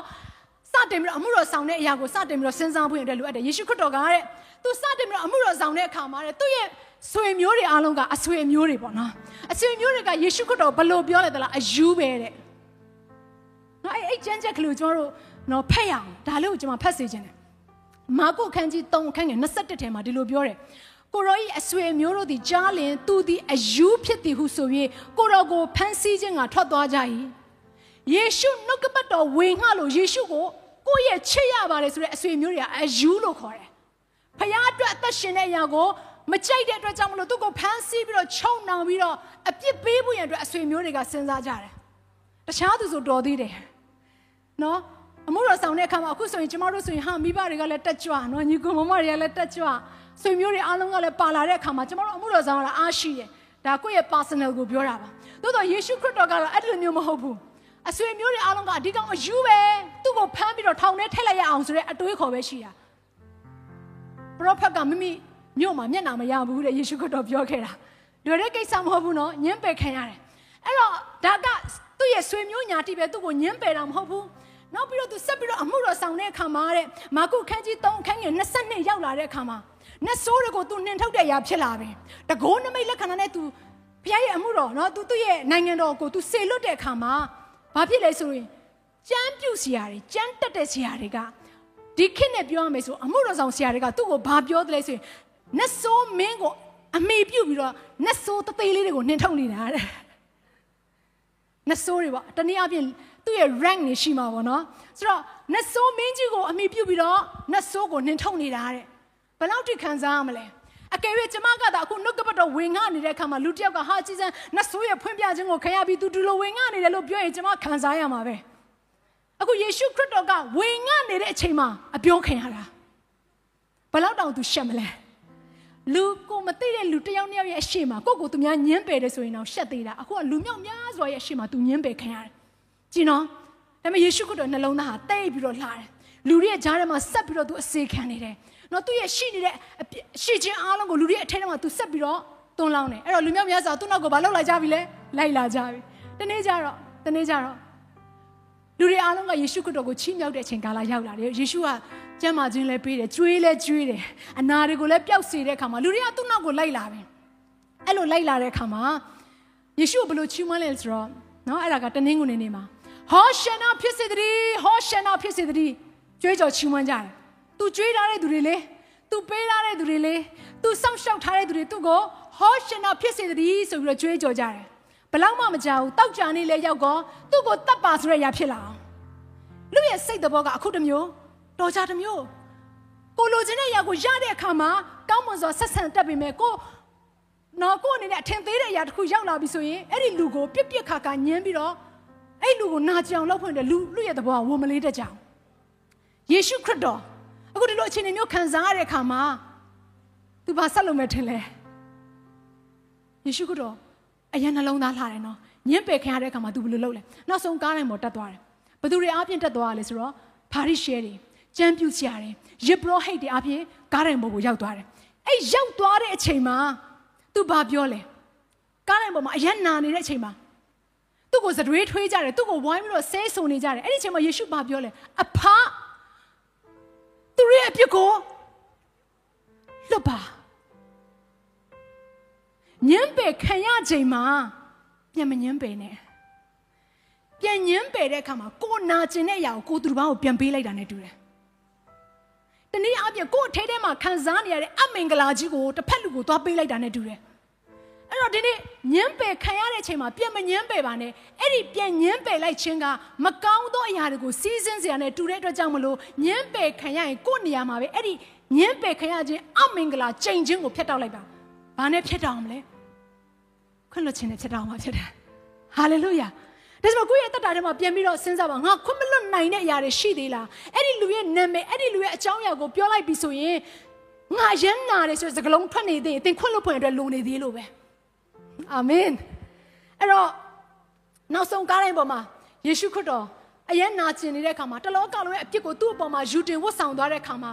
နောက်ထပ်ညှင်းပယ်ခံရတဲ့အဆိုးဆုံးချိန်တွေကဘာလဲသိလားသူ့ခမီးတော်သူ့ညှင်းပယ်တာလူညင်းပယ်တာခံလို့ရသေးတယ်။ဒါပေမဲ့ယေရှုခရစ်တော်နောက်ဆုံးညင်းပယ်ခံလိုက်ရတာကဘသူ့ရဲ့ညင်းပယ်ခြင်းမှာခံရတာလေ။ယေရှုခရစ်တော်ရဲ့နော်ကသူ့ရဲ့ခမည်းတော်ရဲ့ညင်းပယ်ခြင်းကိုခံရတာ အဲ့ဒီအချိန်မှာယေရှုခရစ်တော်ဘာပြောလဲအကျွန်ုပ်ဖခင်အကျွန်ုပ်ဖခင်အကျွန်ုပ်ကိုအဘဲကြောင့်စွန့်ပစ်တော်မူသည်။သူရန်ခံစားရတယ်။တူပဲကျန်တယ်လေပုံကိုတူပဲကျန်တယ်သူမှမိခိုးစရာဆိုလို့ဒါပေမဲ့သူ့ရဲ့ခမီးတော်ကသူ့ကိုမျက်နာလွှဲရတယ်။ဘာကြောင့်မလို့လဲဖခင်ကဖြောင်းဝဲခြင်းရှင်ဖြစ်တဲ့အခါမှာအပြစ်နဲ့ပတ်သက်လာရင်မျက်နာလွှဲရတဲ့အခြေအနေရောက်လာတဲ့အခါမှာသူ့ရဲ့တပါးတော်သားတော်ယေရှုခရစ်တော်ကိုကျမတို့အတွက်ကြောင့်နဲ့မျက်နာလွှဲတယ်။ကြည့်တော့အဲ့ယေရှုခရစ်တော် ယေရှုခရစ်တော်အဲ့လိုလှုပ်ဆောင်ပေးခဲ့ခြင်းအပြင်ကျမတို့တတ်တာထဲမှာဘာဖြစ်လာလဲယေရှုခရစ်တော်ရဲ့နာကျင်ခြင်းယေရှုခရစ်တော်ကျမတို့အတွက်ခံခဲ့တဲ့ညှင်းပယ်ခြင်းတွေအပြင်ကျမတို့ဟာဖခင်ရဲ့ရှေ့မှာဖခင်လက်ခံလို့ရတဲ့သူတွေဖြစ်လာတယ်ဖခင်ခွင့်လွတ်ပေးလို့ရတဲ့သူတွေဖြစ်လာတယ်အာမင်ဖခင်ရဲ့ရှေ့မှာဖခင်ကကြည့်လိုက်ပြီဆိုရင်ဒါကငါ့ရဲ့သားငါ့ရဲ့သမီးဆိုပြီးတော့ဖခင်အတိမတ်ပြုလို့ရတဲ့လူဖြစ်လာတယ်ကြည့်ပါကျမတို့ကညှင်းပယ်ခံရပြီဆိုလို့ရှိရင်ညှင်းပယ်ခြင်းနာကျင်ခြင်းကိုဆက်ပြီးတော့မစည်းစမ်းစေဘဲနဲ့ အဲ့နေရာမှာပဲရက်တန့်လိုက်ပြီဆိုရင်ဘုရားခင်ကတင့်ရဲ့အတ္တတာထဲကနေပြီးတော့လူတို့ကြံစည်မမိနိုင်တဲ့လှုပ်ဆောင်ချက်တွေကိုတင့်ရဲ့အတ္တတာထဲကစီးထွက်စေမယ်ယေရှုခရစ်တော်ကခွင့်လွတ်လိုက်တဲ့အခါမှာတလောကလုံးလွတ်မြောက်ခြင်းခံစားရတယ်လို့ပဲသင်ကနာကျင်ခြင်းခံရတဲ့အခါမှာအဲ့ကိုကိုနာကျင်စေတဲ့သူအားလုံးကိုခွင့်လွတ်လိုက်ပြီဆိုရင်သင်အားဖြင့်မြောက်များစွာသောသူတွေဟာအတ္တတာထဲမှာလွတ်မြောက်ခြင်းဝမ်းမြောက်ခြင်းငြိမ်သက်ခြင်းနဲ့ဘုရားသခင်မေတ္တာတော်ကိုခံစားမှာဖြစ်တယ်အာမင် နာကျင်ခြင်းတွေကိုမစည်းစင်းစေဖွင့်အတွက်ဒီနေ့ကျမတို့အသက်တာကိုဘုရားထံမှာစက္ကန့်အနိုင်အောင်အာမင်ဘုရားသခင်ကျမဒီအတိုင်းဆက်သွားနေတော့ကျမမကောင်းတဲ့ယောဂဇိုးတွေကိုသူများကိုကုဆက်ကုဆက်စေဦးမှာကိုတော့ဒီတိုင်းတော့ကျမမသွားခြင်းဘူးမှန်တယ်ကျမနာကျင်နေတယ်ကျမလုံးသားထဲမှာခံစားနေရတယ်တိုးတော့ကိုတို့ဘုရားကသာကူညီမယ်ဆိုရင်ကိုတို့ဖျက်ရဲ့မေတ္တာနဲ့သမိဒီအရာတာဒီအရာကိုကြော်လွှမ်းနိုင်မယ်ဆိုတဲ့ယုံကြည်ချက်ခံစားချက်အထက်ကလာတဲ့အတွင်းခွန်အားကိုကျမတို့ရရှိမှာဖြစ်တယ် အာမင်အဲယေရှုခရစ်တော်တိုင်းတော်ပေါ်မှာခံလိုက်တဲ့အခါမှာကြီးမားတဲ့အမှုရာတစ်ခုဖြစ်သွားတယ်အဲ့ဒါကဘာလဲသူ့ရဲ့အသက်တော်ကိုသူပြန်ပြီးတော့နော်ဆွန့်လွတ်လိုက်တဲ့အခါမှာဗိမာန်တော်ထဲမှာရှိတဲ့ကလကဘုရားရဲ့မျက်မှောက်တော်နဲ့လူတွေရဲ့ကြားထဲမှာကာစီးထားတဲ့အဲ့ဒီကလကာကတဲ့အထက်ကနေအောက်ဆုံးတအောင်နှစ်ချမ်းကွဲသွားတယ်တဲ့။ဘာကိုပြောနေရလဲခုနကကျွန်မပြောခဲ့တဲ့ခမီးတော်ဖျက်ရဲ့လက်ခံခြင်းကိုသင်ပြန်ရရှိသွားတာဖြစ်တယ်။ခမီးတော်ဖျက်ရဲ့မျက်မှောက်တော်ထဲကိုအတားအဆီးမရှိဘဲနဲ့တိုးဝင်လို့ရတဲ့ အခြေအနေဖြစ်သွားတယ်။အဲ့တော့နားလည်ရမယ့်အရာကပထမတစ်ချက်သူတစ်ပါးအပြစ်ကိုခွင့်လွှတ်ပါ။ဒုတိယတစ်ချက်သိရမယ့်အရာတစ်ခုက you are accepted by God ဖရာသခင်တင့်ကိုလက်ခံကြိုးဆိုတယ်ဆိုတဲ့အရာကိုအမြဲတမ်းမှတ်ထားအာမင်ကြိုက်တဲ့သူညင်ငါ့ကိုမငင်းတဲ့သူတယောက်ရှိတယ်အဲ့ဒါခမီးတော်ဖရာသခင်ပဲဘာကြောင့်လို့လဲယေရှုခရစ်တော်ကငါ့ကိုစား exchange အာမင်တနည်းအားဖြင့် ဖလှယ်ပြီးတော့ငါခံရမယ့်အရာတွေအားလုံးကိုယေရှုခံပေးသွားပြီဖြစ်တဲ့အတွက်ကြောင့်မလို့ငါညင်းပယ်ခံရတဲ့သူမဟုတ်တော့ဘူးခမည်းတော်ဘုရားကငါ့ကိုလက်ခံကြိုးစိုးနေတယ်ဆိုတဲ့အရာကိုအရင်ဆုံးကျွန်တော်အဲ့ဒါကိုနှလုံးသွင်းဖို့အတွက်လည်းလိုအပ်တယ်အာမင်အဲ့တော့ကျမ်းစာထဲမှာဒီလိုပြောထားတယ်နော်ကျွန်မဖတ်ချင်တယ်ဟာလေလုယာဟောရှေခန်းကြီး7အခန်းငယ်၄မှာဒီလိုပြောထားတယ်ကျွန်တော်အားလုံးတွေ့မယ်ဆိုအတူတူကဖတ်ရအောင်နော်ဟောရှေခန်းကြီး7အခန်းငယ်၄မှာ โอเคကျွန်မအနောက်ကပဲလိုက်ဖတ်လိုက်ရအောင်เนาะလူကိုဆွဲတက်သောကြိုးဒီဟုသောမေတ္တာကြိုးနဲ့ငါဆွဲငင်၏ဖခင်ကလက်ခံပြီဆိုရင်ငါစီဝင်လာပါလို့ပဲပြောတယ်ဖခင်မဟုတ် तू ကလိုက်ခေါ်တယ်ဖခင်အဲ့ဖခင်ရဲ့ကြိုးဆိုခြင်းတော့မပြီးသေးဘူးကျွန်တော်တို့ဆက်ပြောရအောင်ပါယုအနာတို့တဘိုးကိုရွှေ့၍ဖြင်းညင်းစွာကျွေး၏ အဲ့လိုကျွန်မပုံဥပမာပြချင်တယ်ကဲလာပါအောင်ဟုတ်ပြီဆိုတော့သူ့မှာကြိုးလေးပါတယ်ဆိုတော့သူအင်ဂျီကနော်နည်းနည်းလေး illustration ပြလို့ကောင်းမယ်လို့ယုံကြည်တယ်ဆိုပါစို့သူကညင်းပယ်ခံရတဲ့သူသူကနာကျင်နေတဲ့သူเนาะသူကဝန်တော့ဝန်ပိုးနဲ့လေးလံနေတဲ့သူအခုဒီမှာနှုတ်ကပတ်တော်အရပြောထားမယ်ဆိုလို့ရှိရင်တဘိုးနဲ့လေးနေတာကျမတို့နှလုံးသားထဲမှာရှိတဲ့ခံစားချက်တွေကလေအပြင်မှာအထောက်ထဲထမ်းကြမလို့ပဲနဲ့လေးတဲ့အခြေအနေမျိုးတွေကြုံဘူးတယ်မလားကြုံဘူးတယ်နော် အဲ့ဒါတဘိုးလို့ခေါ်တယ်အထဲထဲမှာခံစားနေရတဲ့အရာတွေကအဲ့တော့သူ့ရဲ့အသက်တာထဲမှာတဘိုးနဲ့တအားကိုလေးနေတယ်တဲ့လေးတဲ့အခါမှာကျန်းစာကဘလို့ပြောထားလဲဆိုလို့ရှိရင်နော်အင်္ဂလိပ်ကျန်းစာထဲမှာဆိုလို့ရှိရင်ဖခင်ကသူ့စီကိုလာပြီးတော့ bend down ဖခင်ကသူ့စီကိုလာပြီးတော့ကိုယ့်ရဲ့ခန္ဓာကိုယ်ကိုညွန့်ပြီးတော့သူ့ကိုလာပြီးတော့ဆွဲခေါ်တယ်ဆိုတဲ့သဘောအဲ့တော့သူကဘာဖြစ်နေလဲပြဿနာထဲမှာလဲလိုက်ပါဦးအေးဟုတ်ပါပြီနော်နော်လက်ခုပ်တီးပြအောင်နော်အဲ့ပြဿနာထဲမှာ तू လဲနေပြီ အဲ့လိုလဲနေတဲ့အခါမှာဘုရားသခင်ကမထနိုင်တဲ့သူ့ရဲ့ဘေးနားကိုလာတယ်တဲ့သူ့ရဲ့ပါယိုးနားမှာရှိတဲ့တဘိုးကိုဖယ်လိုက်တယ်တဲ့ဖယ်ပြီးတော့ဘုရားခင်ကသူနဲ့တလုံးတဝတဲ့အင်္ဂလိပ်ကျမ်းစာထဲမှာဆိုဒါလေးကအရန်ကျွန်မသဘောကျတယ်နော်အဲ့တော့ I was to them as one နဲ့သူ့ရဲ့အနားမှာသူနဲ့တလုံးတဝတဲ့ကဲ့သို့သူ့ရဲ့ခံစားချက်တွေကိုဘုရားကနားလည်ပေးတယ်တဲ့ ကြည့်နော်တင်လဲနေတဲ့အခါမှာဟာအားနေတဲ့သူနှုံချတဲ့သူငါစကားနားထောင်တဲ့သူဆိုပြီးတော့ဘုရားကပြစ်ထားမှာမဟုတ်ဘူးငါနှုတ်ကပတ်တော်ထဲမှာအချိန်ချိန်နှုတ်ကပတ်တော်ဘုရားเจ้าမှာလည်းဝင်ငှခဲ့တယ်ဆရာတွေအားဖြင့်လည်းစကားပြောခဲ့တယ်အဲ့တော့နားမထောင်တဲ့နှင့်ကိုငါဒီအတိုင်းပဲပြစ်ထားမယ်ဆိုတော့ဘုရားမဟုတ်ဘူးအဲ့လောက်ထိဝန်တော့လေးနေပါစေသူ့ရဲ့အနာကိုဘုရားကလာမယ်တဲ့ဟာလေလုယာသူ့ရဲ့ပါယိုဘိနာမှာရှိတဲ့တဘိုးကိုဖယ်ပြီးတော့တင်းနဲ့တလုံးတော့ရတယ်ဆိုလိုတဲ့အရာကတင့်ရဲ့ခံစားချက်ကိုသူ့ရဲ့ခံစားချက်ကဲ့သို့ရှင်တွဲပြီးတော့စဉ်းစားပြီးမှဘုရားက တင့်ရဲ့တဘိုးရှိတဲ့မြအားလုံးကိုချိုးဖဲ့ပြီးတော့မှာတဲ့ဘုရားကဘာပြောလဲဆိုငါကျွေးမယ်တဲ့လူနေတဲ့အရာစားကျင်နေတဲ့အရာဘလောက်ဖြစ်ဖြစ်မပြည့်နိုင်တဲ့အဲ့ဒီမြတ်တာကိုငါကိုယ်တိုင်ပြန်ပေးမယ်တဲ့ဘုရားပြောနေတဲ့အရာကတိတ်ရှင်းပါတယ်ဘလောက်ပဲတင့်ရဲ့တက်တာထဲမှာလဲပြိုနေပါစေမြတ်တာငတ်လို့ကြိမ်ချင်းအမင်္ဂလာနဲ့ဆိုင်တဲ့နာကျင်ခြင်းတွေကိုသူများကိုပြန်လဲပြီးတော့ပေးနေတဲ့သူတယောက်ဖြစ်နေအောင်တော့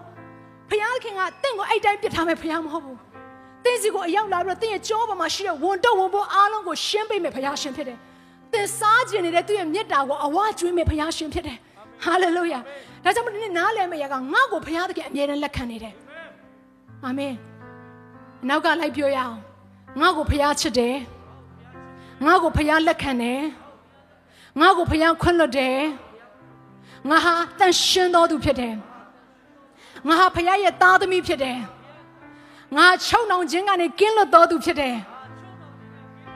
ဖခင်တကယ်အကျင့်စီတော်ထဲမှာရှိတဲ့သူဖြစ်တယ်ဖခင်ရဲ့အာယုံစိုက်ခြင်းကိုခံရတော်သူဖြစ်တယ်ဖခင်ရဲ့ဘုန်းတော်ထင်ရှားစေမဲ့သူဖြစ်တယ်ငါအထဲထဲမှာနာကြီးခြင်းတွေမရှိတော့ဘူးငါအထဲထဲမှာနာကျင်ခြင်းတွေမရှိတော့ဘူးငါဟာကျမ်းမာတော်သူဖြစ်တယ်ငါရဲ့နှလုံးဟာကျမ်းမာသောနှလုံးသားဖြစ်တယ် အာမင်ကောင်းမြတ်တဲ့ဘုရားကိုလက်ခုပ်တီးပြီးတော့ချီးမွမ်းရအောင်အာမင်ယေရှုတင်တယ်ဒါကြောင့်မို့ဒီနေ့ကျွန်တော်အသက်တာထဲမှာနားလည်မယ့်ကဘလို့အခြေအနေပဲဖြစ်နေပါစေဘုရားခင်ကျမတို့ကို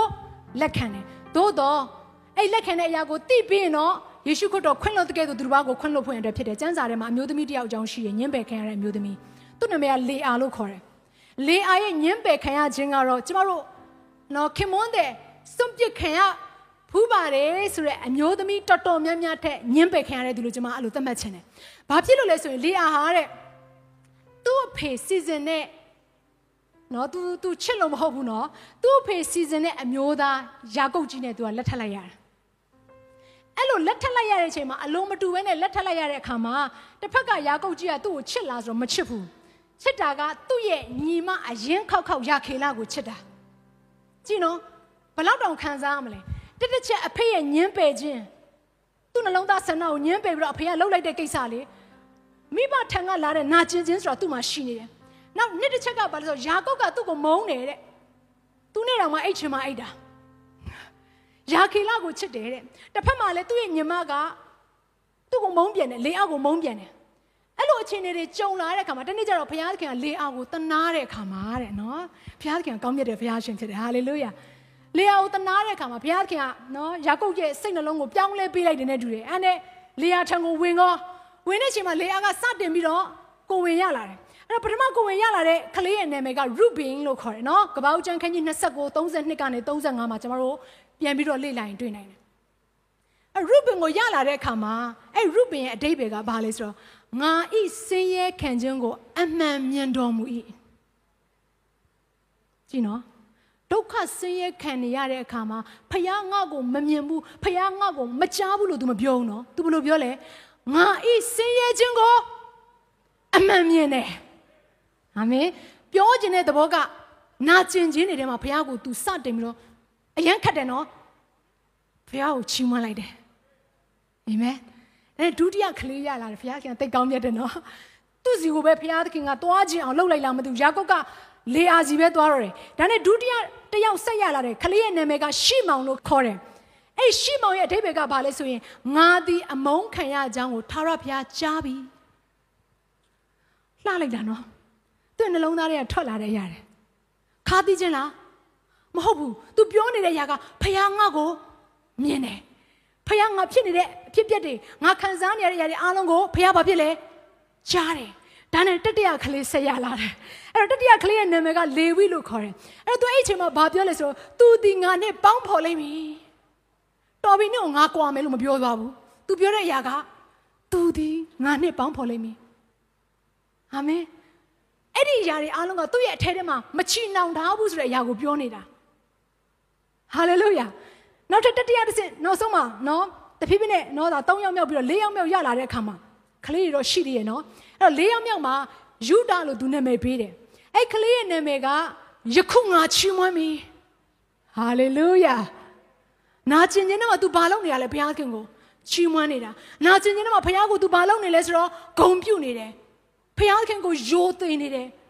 ဖခင်ကောင်းမြတ်ခြင်းတွေကို तू သိမဲ့ဆွဲလန်းနေတယ်ဖခင်မကြားနိုင်အောင်နားကန်းတဲ့ဖခင်မဟုတ်ဘူးမကဲတင်နိုင်အောင်လက်တိုတဲ့ဖခင်မဟုတ်ဘူးဆိုတဲ့အရာကို तू ကသူ့ရဲ့ဆင်းရဲဒုက္ခခံရတဲ့အချိန်တည်းမှာသူ့ရဲ့နှုတ်ရှာပါဇက်နဲ့သူ့ရဲ့သားသမီးတွေရဲ့ နာမည်ကို तू ပေးခဲ့တာဖြစ်တယ်ခင်မွန်းတဲ့သူ့သူ့သားသမီးရဲ့နာမည်ကမပေးသွားဘူးနော်နောက်ထပ်ကလေးတွေရလာတဲ့အခါမှာလဲ तू ပြောတဲ့အရာငါကောင်းကျိုးခံစားရပြီငါဟာမင်္ဂလာရှိတော်သူဖြစ်ပြီအမြဲတမ်းကောင်းတဲ့အရာတွေနဲ့ပဲဝန်ခံသွားတယ်ကဲကြည့်အရန်ထူးခြားတဲ့အရာကရှင်မသက်ခရင်ကျွန်တော်တို့အားလုံးဖတ်တယ်နော်ရှင်မသက်ခရင်အခန်းကြီး1ကိုဖတ်လိုက်တဲ့အခါမှာဘာတွေကိုတွေ့ရလဲနာမည်စည်းရင်းတွေတွေ့ရတယ်ခွန်အားမရဘူးခွန်အားမရဘူးကြော်သွားကြတဲ့စည်းရင်းလေနော်ဒါပေမဲ့အဲ့ဒီထဲထဲမှာကြည့်လိုက်တဲ့အခါမှာအာ ကျွန်တော်တို့အားလုံးဖတ်မယ်ဆိုလို့ရှိရင်အာ reference ရအောင်ပေါ့မသက်ခန်းကြီး1အခန်းငယ်7ခွန်မှာရှိတယ်အဲ့တော့အဲ့ဒီစည်းရင်းကိုကြည့်လိုက်မယ်ဆိုလို့ရှိရင်အတူချုပ်ပြောမယ်ဆိုရင်အာဗြဟံလက်ထက်ကနေပြီးတော့ဒါဝိဒ်လက်ထက်တအောင်တဲ့ဆွေစဉ်မျိုးဆက်ကဘယ်နှဆက်ရှိလဲ14ဆက်နော်ဒါဝိဒ်ကနေပြီးတော့ဘာဘူးလို့နော်တနည်းအားဖြင့်ဒီတပားမျိုးသားတွေကလာပြီးတော့ဣသရေလလူမျိုးတို့ကိုတိမ့်ပိုက်သွားတဲ့အချိန်ထိဆိုရင်နောက်ထပ်14ဆက်တဲ့ ပြီးရင်အဲ့ဒီဘာဘူးလုံကနေပြီးတော့ယေရှုခရစ်တော်တာအောင်14ဆက်တဲ့နော်ဒီຢာလေးအားလုံးကျွန်တော်တို့မှတ်မိမယ်လို့ယုံကြည်တယ်အဲ့ဒီထဲထဲမှာထူးခြားတဲ့အမှုရာတစ်ခုကဘာလဲဆိုလို့ရှိရင်အာဗြဟံကနေပြီးတော့စပြီးတော့စီးစင်းလာတဲ့ယာကုပ်ရဲ့အမျိုးနဲ့ဆိုတော့ကျွန်တော်တို့အားလုံးသိတယ်ယာကုပ်ကသူ့ရဲ့သားသမီးတွေထဲမှာဘယ်သူ့ကိုချစ်ဆုံးဖြစ်ခဲ့လဲဟာစဉ်းစားကြပဲယောသက်လေး right အဲ့တော့ကျမ်းစာထဲမှာယာကုပ်ရဲ့သားယောသက်အားဖြင့် မွေးဖွားလာတဲ့သားသမီးလို့သူကစက်မပြောဘဲနဲ့ထူးခြားတဲ့ຢာကဘာလဲဆိုရင်ယာကုပ်ရဲ့သားယူဒအားဖြင့်မွေးဖွားလာတဲ့သားဆိုပြီးတော့နှုတ်ကပတ်တော်ထဲမှာစည်ရင်တင်ထားတယ်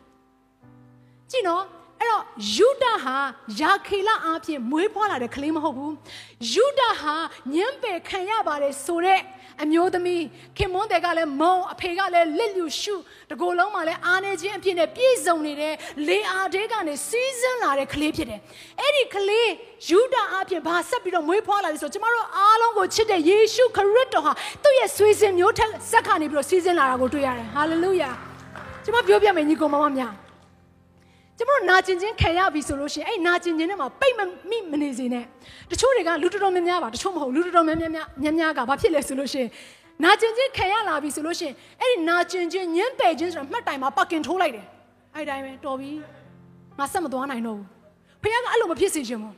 ဖခင်ကအဲ့လိုအဲ့လိုမျိုးအသက်တာကိုရက်တက်နေတဲ့အသက်တာဖခင်ကမဖြစ်စေချင်ဘူးအမေဖခင်ကသူ့ကိုဘာလို့စေချင်လဲခုနဒါဝိဒ်ကပြန်ထတယ်လို့ပဲလေ ညင်ပယ်ခံရခြင်းနဲ့ဘလောက်ပဲရှိနေစေပြန်ကြိုးစားပြီးတော့ तू ထားပြီးတော့ဘဝကိုအစပြုတယ်လို့ပဲအခုဒီမှာလေအားလဲဒီအတိုင်းပဲညင်ပယ်ခံရတဲ့အခါမှာနာကျင်ခြင်းတွေရောက်လာတဲ့အခါမှာ तू ဘာလုပ်လဲမျက်ရည်တစ်ချိန်လုံးတောက်နေလို့စံစာထဲမှာမှတ်တမ်းမတင်ထားဘူးတစ်ချိန်လုံးယာကုတ်ကိုချိန်ဆနေလို့မှတ်တမ်းမတင်ထားဘူးသူ့အဖေကိုမကျင်နဲ့လိုက်တာဆိုရဲစကားတခွန်းမှစံစာထဲမှာမတွေ့ရအောင် အဲ့ဒီလိုမျိုးချိန်ချင်းအမလာကိုဆက်ပြီးတော့မစည်းစင်းတဲ့သူရဲ့တက်တာထဲမှာအသက်ရှင်ခြင်းဖြစ်တဲ့ယေရှုခရစ်တော်သူ့ရဲ့တက်တာထဲမှာစီးစင်းသွားတယ်။ဟာလေလုယာ။သင်ရဲ့အသက်တာထဲကနေဘုရားကအသက်ရှင်ခြင်းတွေကိုစီးထွက်စေခြင်းနဲ့သင်ဘာကိုရွေးယူမလဲ။ချိန်ချင်းအမင်္ဂလာကိုရွေးယူမလား။အသက်ရှင်ခြင်းနဲ့ဆိုင်တဲ့ရာကိုရွေးယူမလား။အာမင်။ဟာလေလုယာ။အဲ့လေအားရဲ့အသက်တာကိုကြည့်တဲ့အခါမှာထူးခြားပြောင်းလဲသွားတယ်။အဲ့ဒီချိန်မှာ တကယ်ကိုကောင်းကြီးမင်္ဂလာနဲ့ဆိုင်တဲ့အရာကသူ့ရဲ့ဆွေစဉ်မျိုးဆက်ထိပါသွားတယ်အဲ့တော့ကိုလှုပ်ဆောင်တဲ့အရာတွေအားလုံးကဘယ်ထိပါလဲဆွေစဉ်မျိုးဆက်ကျင်ချင်းလို့ရင်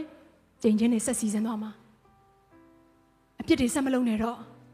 ဆက်ပြီးတော့ခေါင်းမမာနဲ့တော့အာမင်ဖခင်ထံကိုပြန်လှည့်ဝင်အတွက်လိုအပ်တယ်တတိယတစ်ချက်ကဘာလဲဆိုရင် remedy เนาะပထမပ ထမတစ်ချက်ကိုအရင်ပြန်ပြီးတော့သတိရစေချင်တယ်ပထမချက်က rejection လာတဲ့အခါမှာဘာရှိလဲ result ဆိုတာရှိတယ် result လို့ခေါ်တဲ့အစိုးရလက်တွေရောက်လာပြီဆိုရင် remedy လို့ခေါ်တဲ့ကုသပေးခြင်းဆိုတာလိုအပ်တယ်အဲ့လိုကုသတဲ့အခါမှာပထမဆုံးတစ်ချက်ကဘာလဲခွင့်လွတ်ပေးရမယ်ဒုတိယချက်ကဘာလဲဖခင်ငါ့ကိုလက်ခံတယ်ဆိုတဲ့အရာကိုအမြဲတမ်းစဉ်းစားနေရမှာဖြစ်တယ်လေယာအဲ့လိုစဉ်းစားခဲ့တယ်ဟာလေလုယာဒါကြောင့်မလို့ဖခင်ငါ့ကိုလက်ခံတယ်ဘလောက်ပဲအားနေနေပါစေဖခင်ငါ့ကိုအမြဲတမ်းသိမှတ်နေတယ်ဆိုတဲ့အရာကိုသိပြီးတော့တင်ဖခင်ရဲ့မျက်မှောက်တော်ထဲမှာရဲရင်စွာနဲ့ပလင်တော်ချေရင်ကိုတိုးဝင်ရမယ်တတိယတစ်ချက်ရေးကြည့်ရယ် ကိုကိုကိုလက်ခံပါနော်ဖခင်ကိုလက်ခံနေဆိုတဲ့အရာကိုသိပြီးရင်ကိုကိုကိုလက်ခံရမယ်တချို့ကိုကိုကိုတစ်ချိန်လုံးထိုးနှက်နေတဲ့သူတွေရှိတယ်ငါအသုံးမကျလို့ငါမကောင်းလို့ဟုတ်တယ်ဒါကြောင့်မို့ငါသားသမီးဒီလိုဖြစ်လာတာငါအသုံးမကျတဲ့အတွက်ကြောင့်မို့ဒီလိုဒီလိုတနည်းအားဖြင့်ကိုယ့်ရဲ့အသက်တာကိုပြန်ချိန်ဆနေတာကြည့်နော်သူတစ်ပါးကိုခွင့်လွှတ်လိုက်တာတော့ဟုတ်ပြီကိုကိုကိုလက်ခံတတ်ဖွင့်ရတဲ့လိုအပ်တယ်လက်မခံဘူးဆိုကိုကိုတိုင်ကအဲ့ဒီချိန်ချင်းအမင်္ဂလာထဲမှာကိုကိုကိုပြန်ပြီးတော့ချီနှောင်ပြီးတော့မလွတ်မြောက်နိုင်ဘူးအဲ့တော့ဘာလုပ်အောင်မလဲကိုကိုကို လက်ခံဖို့ရန်အတွက်ပြင်ဆင်ပါဖခင်အသင်ကိုလက်ခံတယ်လို့ကိုကိုကိုလက်ခံပါဘေးနားမှာရှိတဲ့သူကိုပြောလိုက်ပါကိုကိုကိုလက်ခံတတ်တော်သူဖြစ်ပါလို့ပြောရအောင်နှစ်ယောက်လောက်နှစ်ယောက်လောက်သုံးယောက်လောက်ကိုပြောရအောင်ကိုကိုကိုလက်ခံတတ်တော်သူဖြစ်ပါအာမင်အေဘခန်းကြီးတက်ခန်းငယ်၄ကနေ6မှာဒီလိုပြောထားတယ်နော်ကျွန်တော်တို့အားလုံးတူတူကဖတ်အောင်အေဘခန်းကြီးတက်အခန်းငယ်၄ကနေ6ဤကဘာမတိမရှိမီ ငါတို့ကိုခရစ်တော်၌ရွေးကောက်တော်မူသည်နှင့်အညီကောင်းကင်ဘုံနှင့်ဆိုင်သောအရာတို့၌ခတ်သိမ်းသောဓမ္မမင်္ဂလာတို့ကိုခရစ်တော်အားဖြင့်ငါတို့အားပေးသနာတော်မူသောငါတို့သခင်ယေရှုခရစ်ခမည်းတော်ဘုရားသခင်သည် မင်္ဂလာရှိတော်မူစေတည်း ထိုဘုရားသခင်သည်ချစ်တော်မူသောသားတော်ကြောင့်ငါတို့အားပေးတော်မူသောဂျေဇုတော်၏ဘုန်းအသရေကိုချီးမွမ်းစေခြင်းကငါတို့သည်ယေရှုခရစ်အားဖြင့်သားအရာကိုရမည်အကြောင်းအလိုတော်ရှိသောစေတနာအတိုင်းရှေးမစွာကခွဲခန့်မှတ်သားတော်မူ၏ခတ်သိမ်းသောတတိပညာတော်နှင့်လျော်စွာငါတို့၌အတိုင်းထက်အလွန်များလာစွာသောဂျေဇုတော်သည်ကျွေဝပြည့်စုံသည်နှင့်အညီ ဘုံသားတော်၏အသွေးတော်အပြင်အပြစ်လွတ်တော်မူခြင်းတည်းဟုသောရွေးနှုတ်တော်မူခြင်းဂျေစုကိုငါတို့သည်ခံရကြ၏ရွေးနှုတ်တော်မူခြင်းဂျေစုနော်ကျမတို့ခံရတယ်ယေရှုခရစ်တော်ကျမတို့ကို accept လုပ်ပေးတယ်ဘာအတွက်လဲငါဟာဖခင်သားဖြစ်တယ်ဆိုတဲ့အရာကိုသိဖို့ရန်အတွက်အဲ့တော့အရင်ဆုံးစဉ်းစားမယ့်အရာကကိုယ့်ကိုလက်ခံမယ်ဆိုရင်ကိုယ့်ရဲ့အားနည်းချက်တွေကိုပြန်ကြည့်ပြီးတော့လက်ခံရတာမဟုတ်ဘူး ဟုတ်တယ်ငါအားနေတယ်ငါငါအားနေချက်တိုင်းငါလက်ခံလိုက်ပါတယ်ဆိုတာအဲ့လိုမျိုးအရာကိုပြောနေတာမဟုတ်တော့ဘူးเนาะနောက်တစ်ဆင့်ကပါလဲငါဟာယေရှုခရစ်တော်အားဖြင့်ဖခင်သားဖြစ်ပြီအဲ့ဖခင်သားရဲ့အရာအရာကိုစဉ်းစားလိုက်မယ်ဆိုရင်ရိုးရိုးမှမဟုတ်တာမင်းစည်းစိမ်ရှိတော့ရစ်ပရောဟိတ်အမျိုးပိုင်ထိုက်တော့အပေါင်းအသင်းဘယ်သူနဲ့ပိုင်ထိုက်တာလဲဖခင်သခင်နဲ့ပိုင်ထိုက်တဲ့အပေါင်းအသင်းကြီးရိုးရိုးမဟုတ်တော့ဘူးအာမင်ဒါကြောင့်မလို့အမြဲတမ်းကိုယ့်ရဲ့အခြေအနေအားနေခြင်းတွေအားလုံးကိုပြန်ပြီးတော့ နော်စဉ်းစားပြီးတော့ကိုကိုကိုထိုးနဲ့နေဖို့အတွက်မဟုတ်ဘဲနဲ့တမချန်းစာထဲမှာပေါ်ပြထားတဲ့ဖယားသားရဲ့ဖြစ်ချင်းတွေကိုပြန်လဲမြင်အောင်ပြီးအသက်ရှင်ဖို့အတွက်လိုအပ်တယ်စဉ်းစားဘလို့ချင်းနေပဲဖြစ်နေပါစေငါအဖေကအကြီးမြတ်ဆုံးသောဖယားဖြစ်တယ်ဟုတ်တယ်ငါမိဘတော့ငါ့ကိုစွန့်ခဲ့တယ်ငါမိဘကငါ့ကိုစွန့်ပစ်ခဲ့တယ်ငါ့ကိုအချိန်မပေးဘူးငါ့ကိုသိမလို့ရိုက်တက်ခဲ့တယ်ရှိတယ်နော်အဲ့လိုမိဘတွေရှိတယ်နော်ငါရဲ့ခင်မွန်းတွေကငါ့ကိုလုံးဝလက်မကြည့်ဘူးငါကွာရှင်းစာချုပ်ထဲမှာစာမရေးခြင်းလို့လက်မှတ်မထိုးခြင်းလို့ ကြိတ်ကြံနေတဲ့သူတွေရှိကောင်းရှိလိမ့်မယ်ဒီနေ့တော့အဲ့လိုမျိုးမဟုတ်တော့ငါဖရားသားဖြစ်တယ်ငါခင်မွန်းတဲ့ငါ့ကိုလက်လူရှူရင်လဲငါရဲ့ဖရားခင်ကငါ့ကိုလက်ခံနေတယ်အာမင်တင်တို့ရဲ့အကြီးမြတ်ဆုံးသောလင်ဟာတဲ့ဘယ်သူဖြစ်သလဲငါထာဝရဘုရားသခင်ဖြစ်တယ်တဲ့အာမင်ဒါကြောင့်မလို့ကျွန်တော်တို့နားလည်မယ့်အရာကကိုကိုကိုလက်ခံပါအကြီးမြတ်ဆုံးသောဖရားရဲ့သားသမီးတွေဖြစ်တဲ့အရာနောက်ဆုံးတစ်ချက်ဒါလေးအရေးကြီးရယ်နော်အဲ့ဒါကဘာလဲဆိုရင်ကိုကိုလက်ခံယုံနဲ့မပြီးဘူး ခရစ်တော်ရဲ့ကိုယ်ခန္ဓာထဲမှာရှိတဲ့ body of Christ နော်ကျန်တဲ့ယုံကြည်သူတွေကလည်းကိုယ့်ကိုလက်ခံဖို့ရန်အတွက်ကိုယ့်နေရာကိုရှာရတယ်ကျွန်မပြန်ပြောမယ်နော်အသင်းတော်ထဲမှာယုံကြည်သူမိသားစုဝင်တွေနဲ့အတူကိုယ့်ရဲ့အသက်တာကိုမြုပ်နှံတက်ဖွင့်တယ်လိုအပ်တယ်ပြောချင်တဲ့ຢာကကိုယ့်ကိုဂရုစိုက်ပေးမဲ့သူကိုကလည်းသူတို့ရဲ့အသက်တာထဲမှာဝင်ရောက်ပြီးတော့အသက်ရှင်လို့ရမဲ့သူတွေကိုရှာရမယ် ယုံကြည်သူရဲ့အသက်တာတဲ့အသက်တာဟာတယောက်တည်းအသက်ရှင်ဖို့နဲ့ဘုရားသခင်အလိုတော်မရှိဘူးလေယေရှုခရစ်တော်ကိုမိမိရဲ့ကယ်တင်ပိုင်ရှင်နဲ့အရှင်သခင်ဖြစ်ယုံကြည်လက်ခံပြီးတဲ့နောက်ပိုင်းမှာသင်ကဘယ်ထဲကိုရောက်သွားလဲ body of Christ ခရစ်တော်ရဲ့ကိုယ်ခန္ဓာထဲကိုဘာဖြစ်သွားပြီလဲရောက်သွားပြီသင်တယောက်ထဲလားမဟုတ်ဘူးအခုကျမရဲ့နော်အခုကိုယ်ခန္ဓာက body of Christ ပဲဆိုပါအောင်သင်ကနှာခေါင်းနေရာမှာရှင်းရှိနိုင်တယ်မျက်စိနေရာမှာရှင်ရှိနိုင်တယ်လက်နေရာမှာရှင်ရှိနိုင်တယ်ခြေနေရာမှာရှင်ရှိနိုင်တယ် အဲ့တော့ဘယ်နေရာပဲဖြစ်ဖြစ်တင်းရဲ့နေရာမှန်တင်းနဲ့ပေါင်းဖက်ရမယ့်သူအနားမှာတင်းရောက်သွားခွင့်တည်းလိုအပ်တယ်တယောက်တည်းတည်တဲ့နေခွင့်အတွက်ဘုရားသခင်အလိုတော်မရှိဘူးအဲ့လိုတယောက်တည်းတည်တဲ့နေခြင်းအပြင်ဝိညာဉ်ရဲ့အတ္တတာထဲမှာကြီးထွားရလို့ကျမ်းစာတွေကအဲ့လိုမဖော်ပြထားဘူးအချင်းချင်းမိသားအဖွဲခြင်းမှုကိုမရှောင်မလွဲကြနဲ့လို့ပဲကျမ်းစာထဲမှာဖော်ပြထားတယ်ဆိုလိုတဲ့အရာကတယောက်တည်းငါဒီຢာတွေအားလုံးကိုဖျက်ကျော်လိုက်မယ်ငါတယောက်တည်းပြန်တန်းပြလိုက်မယ်ဆိုတော့နှလုံးသားမဟုတ်တော့ဘူးဘာနဲ့သွားမယ်ဆိုကိုယ့်ရဲ့အတ္တတာကို ခရစ်တော်ရဲ့ကိုယ်ခန္ဓာထဲမှာရှိနေတဲ့ယုံကြည်သူမိသားစုတွေနဲ့အတူတူကတိဆောက်ဖွင့်အတွက်လိုအပ်တယ်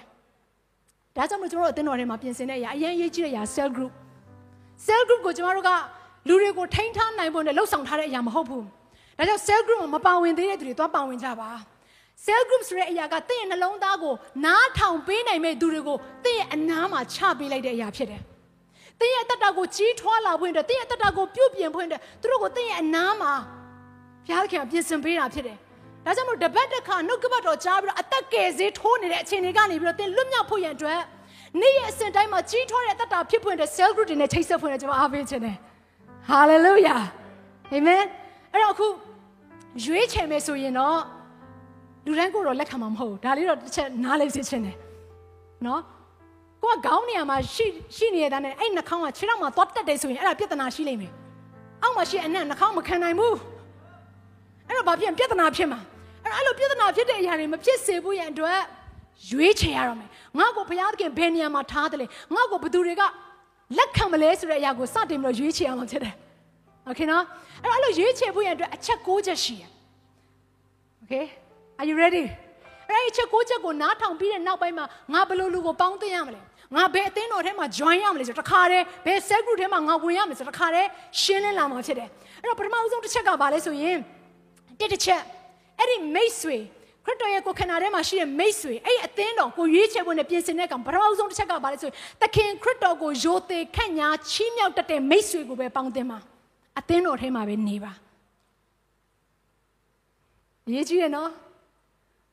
ခရစ်တော်ကိုယိုသေခန့်ညာတတ်တဲ့သူမဟုတ်ဘူးဆိုရင်ဖျားရှိမမှန်ကန်တဲ့သူဆိုလို့ရှိရင်တင့်တက်တာပေါ်မှာလဲသူကဘယ်တော့မှမှန်ကန်တဲ့မိတ်ဆွေကောင်းတစ်ယောက်ဖြစ်လာမှာမဟုတ်ဘူး တင်ကြီးထွားတဲ့တက်တာဖြစ်လာမှာမဟုတ်သူ့အပြင်တင့်တက်တာလဲမှာသူ့အပြင်တင့်တက်တာထဲမှာဆုံးရှုံးစရာတွေပဲကြုံမှာဒါကြောင့်မလို့မိတ်ဆွေပဲဖြစ်ဖြစ်အသင်းတော်ပဲဖြစ်ဖြစ်လူတစုပဲဖြစ်ဖြစ်ကျမတို့ရွေးချယ်ပြီးတော့ပေါင်းသိမိဆိုရင်ပထမဦးဆုံးတစ်ချက်ဘသူ့ကိုစန်တာထားပြီးရွေးချယ်ရမယ်ခရစ်တော်ကိုယိုသေခန့်ညာတတ်တဲ့သူမဟုတ်ရဲ့လားအဲ့လိုလူမမကိုယ့်ရဲ့နှလုံးသားထဲမှာချိတ်ဆက်ပြီးတော့ပေါင်းတင်လို့ရမယ်သူဖြစ်တယ်။နံပါတ်1တစ်ချက်နှုတ်ကပတ်တရားတော်နဲ့ကျွေးမွေးတတ်သောမိတ်ဆွေဟုတ်ရဲ့လားအသင်းတော်ဟုတ်ရဲ့လား တချို့တွေကပညာရမ်းတော်တယ်လေပညာရမ်းတော်တဲ့ခါမှာသူ့ဘေးနားကိုကတ်လိုက်ပြီဆိုငါကဒီလိုဒီလိုလေးထင်တယ်ငါဒီလိုမျိုး Google ထဲမှာငါဒီလိုလေ့လာထားတယ်ငါဒီလိုမျိုးပညာသင်ခဲ့ရတယ်ဒါကြောင့်မလို့လောကနဲ့ဆိုင်တဲ့အရာကိုပဲကိုကိုကျွေးမွေးတဲ့သူလားဒါမှမဟုတ်နှုတ်ကပတ်တော်နဲ့ကိုကိုကျွေးမွေးနိုင်တဲ့မိတ်ဆွေလားဆိုတဲ့အရာကိုစဉ်းစားပြီးတော့မှမိတ်ဆွေရေးချေပါဟယ်လိုအပြင်းမန်းတဲ့ကိုကြည့်ပြီးမရွေးနဲ့နော်ဝိညာဉ်ကိုကြည့်ပြီးရွေးဝိညာဉ်အကျိုးအတွက်ကျမတို့က လူကိုပေါင်းသင်းနေရတာဖြစ်တယ်အာမင်ဒါကြောင့်မို့လဲကျွန်တော်တို့အမြဲတမ်းပြောလို့ရှိတဲ့အရာဖြစ်တစ်ခုရှိတယ်အဲ့ဒါကဘာလဲဆိုတော့ဘယ်မြို့ပဲတင်ပါတင်သွားပြီးတော့အလုပ်လုပ်ချင်ဘယ်တိုင်းနိုင်ငံပဲတင်ပါတင်သွားပြီးတော့နေရာရွှေ့ပြောင်းဖို့အတွက်ပဲစဉ်းစားစဉ်းစားအရေးကြီးတဲ့ຢာကတင်းရဲ့အသက်တာထဲမှာနှုတ်ကပတ်တော်ကျွေးမွေးနိုင်တဲ့အသင်းတော်အဲ့ဒီမြို့အဲ့ဒီနိုင်ငံအဲ့ဒီနေရာမှာရှိရလားဆိုတာအရေးကြီးလို့ကျွန်တော်တို့ပြောလို့ရှိတယ်။ဘာဖြစ်လို့လဲဝိညာဉ်ရေးအောင်တိဆောက်ဖို့ရှုတွေက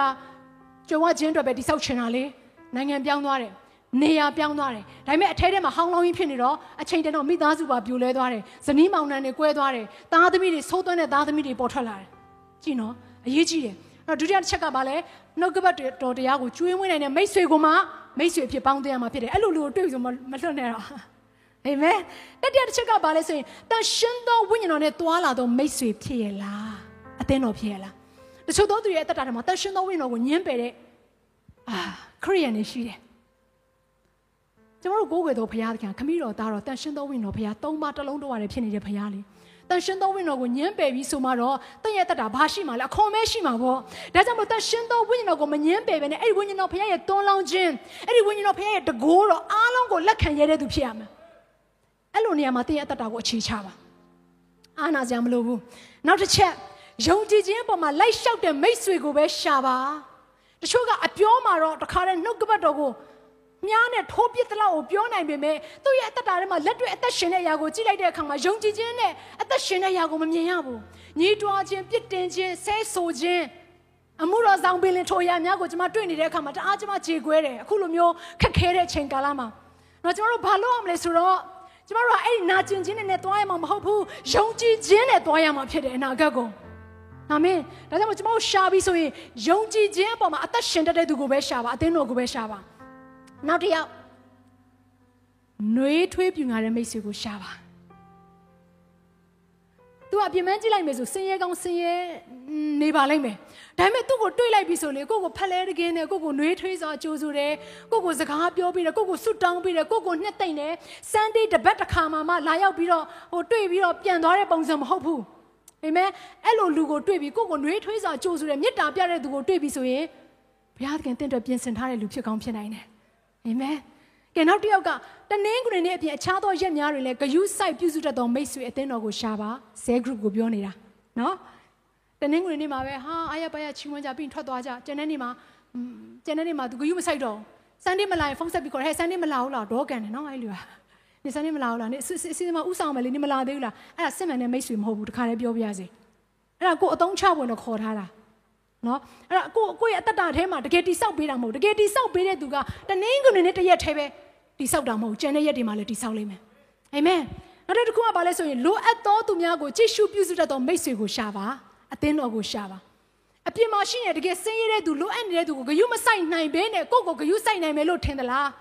မထင်ဘူး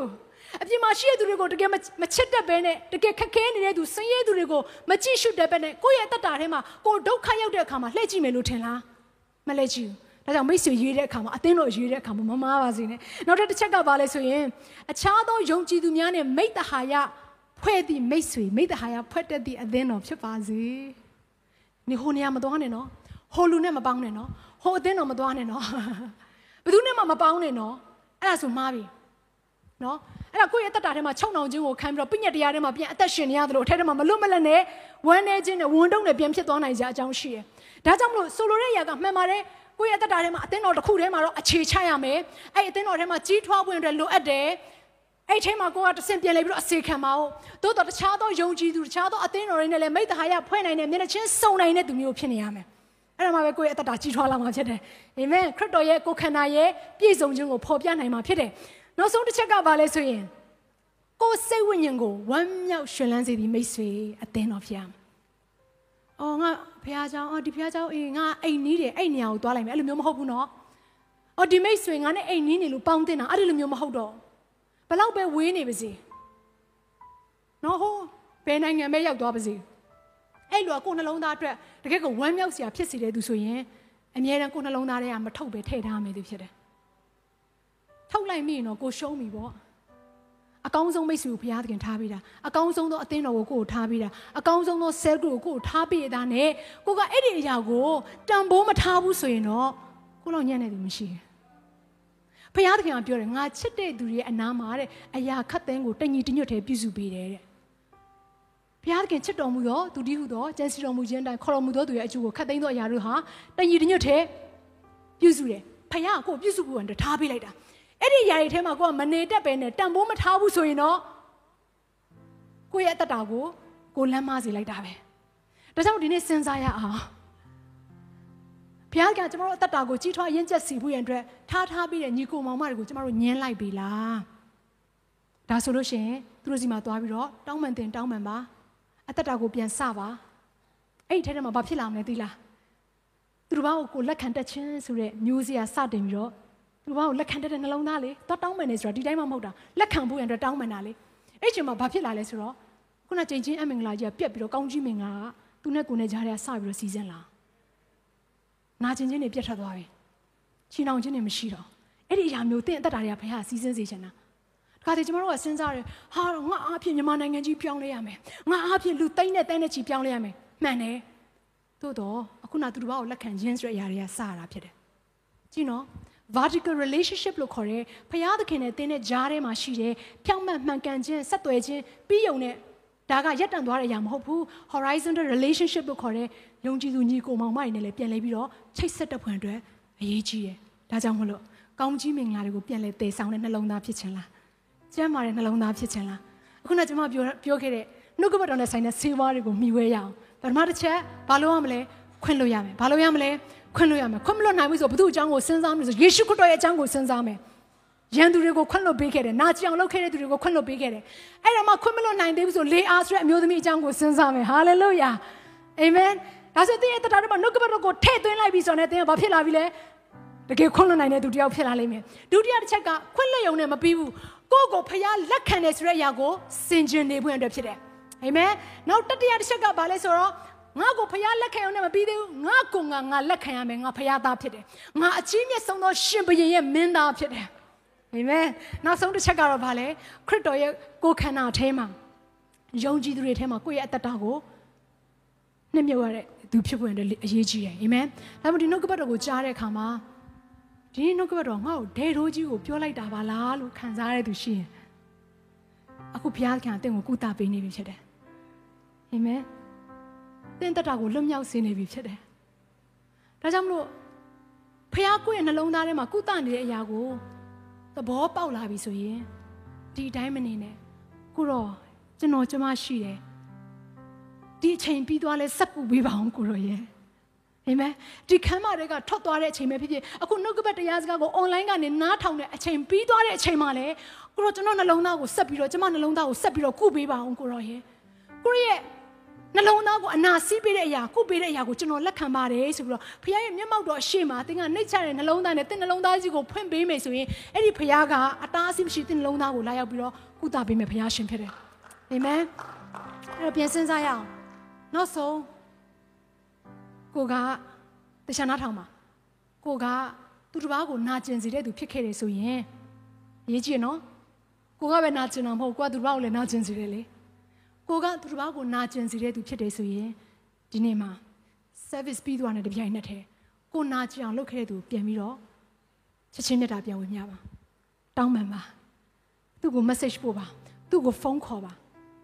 အဲ့ဒါကယုံကြည်ခြင်းခြေလှမ်းလှမ်းတာဖြစ်တယ်နှုတ်ကပတ်တော်အပေါ်မှာချက်ချင်း practice လုပ်တယ်လို့ခေါ်တယ်အာမင်ဒါကြောင့်ဒီနှုတ်ကပတ်တော်ကိုကြားတဲ့သူများအားလုံးရှင်းညာကနေခဏလောက်မတ်တရပြီးတော့ကိုယ့်ရဲ့အသက်တာကိုစက္ကန့်အနိုင်အောင်ဟာ ကျွန်တော်နှလုံးသားပေါ်မှာလက်ကိုတင်အောင်ခဏလောက်ကျန်တဲ့သူတွေအားလုံးကိုခဏလောက်မေ့ထားလိုက်ပါဖခင်မျက်မှောက်တော်ထဲမှာတင်တဲ့ဖခင်နဲ့နှစ်ယောက်တည်းရှိတယ်ဖခင်မျက်မှောက်တော်လို့ခေါ်တဲ့အဲ့ဒီခွဲစိတ်ခန်းကြီးထဲမှာသင်ရဲ့နှလုံးသားကိုပြန်လဲပြီးတော့ကျမ်းမာစေဖို့ရန်အတွက်တရားတွေအားလုံးကိုပြန်လဲပြီးတော့ချုပ်ပေးမယ်ကုသပေးမယ်အဲ့ဒီဖခင်မျက်မှောက်တော်ထဲမှာကိုတော်ဖခင်အကျွန်ုပ်နှလုံးသားကိုဒီနေ့ကိုရောထံကိုအပ်ပါပြီကိုရဲ့ထံမှာကျွန်တော်နှလုံးသား အနာရှိတဲ့မြောက်ကိုပျောက်ကင်းပေးမယ်ဆိုတဲ့အရာကိုကျွန်တော်ယုံကြည်ပါတယ်ကျွန်မယုံကြည်ပါတယ်ဆိုတော့ဘုရားမျက်မှောက်တော်ထဲမှာနှိတ်ချရဲ့နှလုံးသားနဲ့ဒီနေ့တိုးဝင်ပြီးတော့ပြောကြရအောင်ဟာလေလုယာဒါကြောင့်မလို့အားလုံးဒီနေ့ကိုယ့်ရဲ့နှလုံးသားကိုလက်တင်ပြီးတော့ကောင်းချီးပေးပါငါရဲ့နှလုံးသားဟာကြင်ချင်းခံရတဲ့နှလုံးသားမဟုတ်ဘူးငါရဲ့နှလုံးသားဟာကောင်းကြီးခံရတဲ့နှလုံးသားဖြစ်တယ် ငါရဲ့နှလုံးသားအပယ်ခံရတဲ့နှလုံးသားမဟုတ်ဘူးငါရဲ့နှလုံးသားဟာဖခင်သခင်ရဲ့လက်ခံကြိုးဆိုခြင်းကိုခံရတဲ့နှလုံးသားဖြစ်တယ်ငါရဲ့အသက်တာဟာအိုလူတွေရဲ့စွန့်ပစ်ခြင်းကိုဘလောက်ပဲခံစားနေရပါစေဒီနေ့ငါရဲ့ဖဖခင်သခင်ငါ့ကိုသားအရာမှာထားတယ်ဒါကြောင့်မလို့ငါဘယ်တော့မှငါဒီနာကျင်ခြင်းတွေထဲမှာအသက်မရှင်တော့ဘူးဖခင်ရဲ့ကုသခြင်းတဲ့မငါအသက်ရှင်ပြီးတော့ငါပြောင်းလဲပြီးငါလွတ်မြောက်ပြီးဆိုပြီးတော့ ကိုယ့်ရဲ့နှလုံးသားအပေါ်မှာလက်ကိုတင်ပြီးတော့ကောင်းချီးပေးအောင်ကိုယ့်ရဲ့အသက်တာအပေါ်မှာလက်ကိုတင်ပြီးတော့ကောင်းချီးပေးအောင်ကိုယ့်ရဲ့နာမည်ကိုခေါ်ပြီးတော့ဝန်ခံလိုက်ပါအိုးစူဇန်နာမေဟာအမြဲတမ်းနှလုံးသားထဲမှာနာကျင်နေတဲ့သူမဟုတ်တော့ဘူးညင်းပယ်ခံရတဲ့သူမဟုတ်တော့ဘူးဆိုပြီးတော့ကိုယ့်ရဲ့နာမည်ကိုခေါ်ပြီးတော့ပြောကြည့်ပါဝန်ခံကြည့်ပါဒီနေ့သင်ကိုဘုရားရှင်လွတ်မြောက်ခြင်းပေးလိမ့်မယ်ဒီနေ့သင်နှလုံးသားထဲမှာရှိတဲ့အနာအားလုံးကိုဘုရားခင်ယခုပဲချမ်းပါစေမှာဖြစ်တယ်ဟာလေလုယာဟာလေလုယာအခုချိန်မှာကျွန်မ worship တဲ့ခြင်းတစ်ပုဒ်ကိုသိဆုံးမှာဖြစ်တယ်အဲ့ဒီချိန်မှာသင်နဲ့ဘုရားသခင်နဲ့နှစ်ဦးတည်းစကားပြောကြပါအဲ့ဒီတခြင်းစာသားတွေကိုကြားတဲ့အခါမှာဘုရားသခင်ရဲ့ပြောလာတဲ့စကားတွေကိုဆင်ခြင်ဖို့ရန်အတွက်ဖြစ်တယ်အောင်မေ့ဖို့ရန်အတွက်ဖြစ်တယ် hallelujah thank you jesus thank you jesus we come before you god ကိုရမြတ်မောက်တော်တဲ့ကိုသားသမီးတို့တိုးဝင်ပါတယ်အရှိရှိတိုင်းလာပြီကိုတော့အရှိရှိတိုင်းလာပြီကိုတော့အော်ဘလောက်ပဲအချင်းတွေ မကောင်းတဲ့အချင်းတွေတောင်းတော့အတိတ်မှာရှိခဲ့ရှိခဲ့ကိုတော့ထံကိုလာပြီဆိုအသစ်ဖြစ်ပြီကိုတော့ဟာလေလုယာအသစ်ဖြစ်ပြီကိုတော့ဒါကြောင့်မလို့ကိုရောကိုကျေးဇူးတင်တယ်ဒီနေ့မှာကိုရောသားသမီးတယောက်ချင်းစီတိုင်းကိုကိုရောပြန်လဲပြီးတော့ချမ်းမာတဲ့နှလုံးသားကောင်းစားတဲ့နှလုံးသားဖြစ်စေပြီဖြစ်လို့ကိုရောကိုကျေးဇူးတင်တယ်။အိုးနှလုံးသားနဲ့မကဘဲနဲ့အရာရာမှာကောင်းစားသောတတကြီးဖြစ်ဖို့ရန်အတွက်ကိုရောပြုပြင်ပေးနေပြီဖြစ်လို့ကိုရောကိုကျေးဇူးတင်တယ် hallelujah thank you jesus thank you jesus အားလုံးရှင်နေမှာလက်များကိုပင်မြောက်လို့ဒီနေ့ဘုရား ဒီအစီအစဉ်လေးအပြင်တင်းရဲ့အသက်တာမှာကောင်းကြီးဖြစ်မယ်ဆိုတာကိုကျွန်တော်ယုံကြည်ပါတယ်ဗီဒီယိုကြည့်ပြီးခံယူလို့ဒီများအတွက်အပတ်စဉ်တရားဟောခြင်းများ Bible Study ကြီးမွန်ကိုယ်ွယ်ခြင်းနဲ့အခြားသောအကြောင်းအရာတွေဟာတင်းအတွက်အဆင်ပြေရှိနေပါတယ် YouTube မှာ The City Space TV လို့ရိုက်ထည့်လိုက်တဲ့အခါကျွန်တော်တို့ကိုတွေ့ရှိမှာဖြစ်ပါတယ် Subscribe လုပ်ခြင်းအပြင်တင်းနဲ့ထက်ချက်မကွာအမြင်ရှိနေပါဦးဒါအပြင် Facebook မှာလည်း The City ရန်ကုန်လို့ရိုက်ထည့်လိုက်တဲ့အခါတည်င်းအချက်အလက်နဲ့ poster တွေကိုအချိန်နဲ့တပြေးညီတွေ့ရှိအောင်မှာဖြစ်ပါတယ်ခင်ဗျာ The City Podcast ကိုနားထောင်ကြတိုင်းဖျားသခင်ရဲ့ထူကြသောဖွင့်ပြချက်နဲ့ကောင်းကြီးမင်္ဂလာများခံစားမိကြောင်းကျွန်တော်ဆုတောင်းရင်ဒီ season လေးကိုဒီမှာပဲပြန်လာပါရစေခင်ဗျာ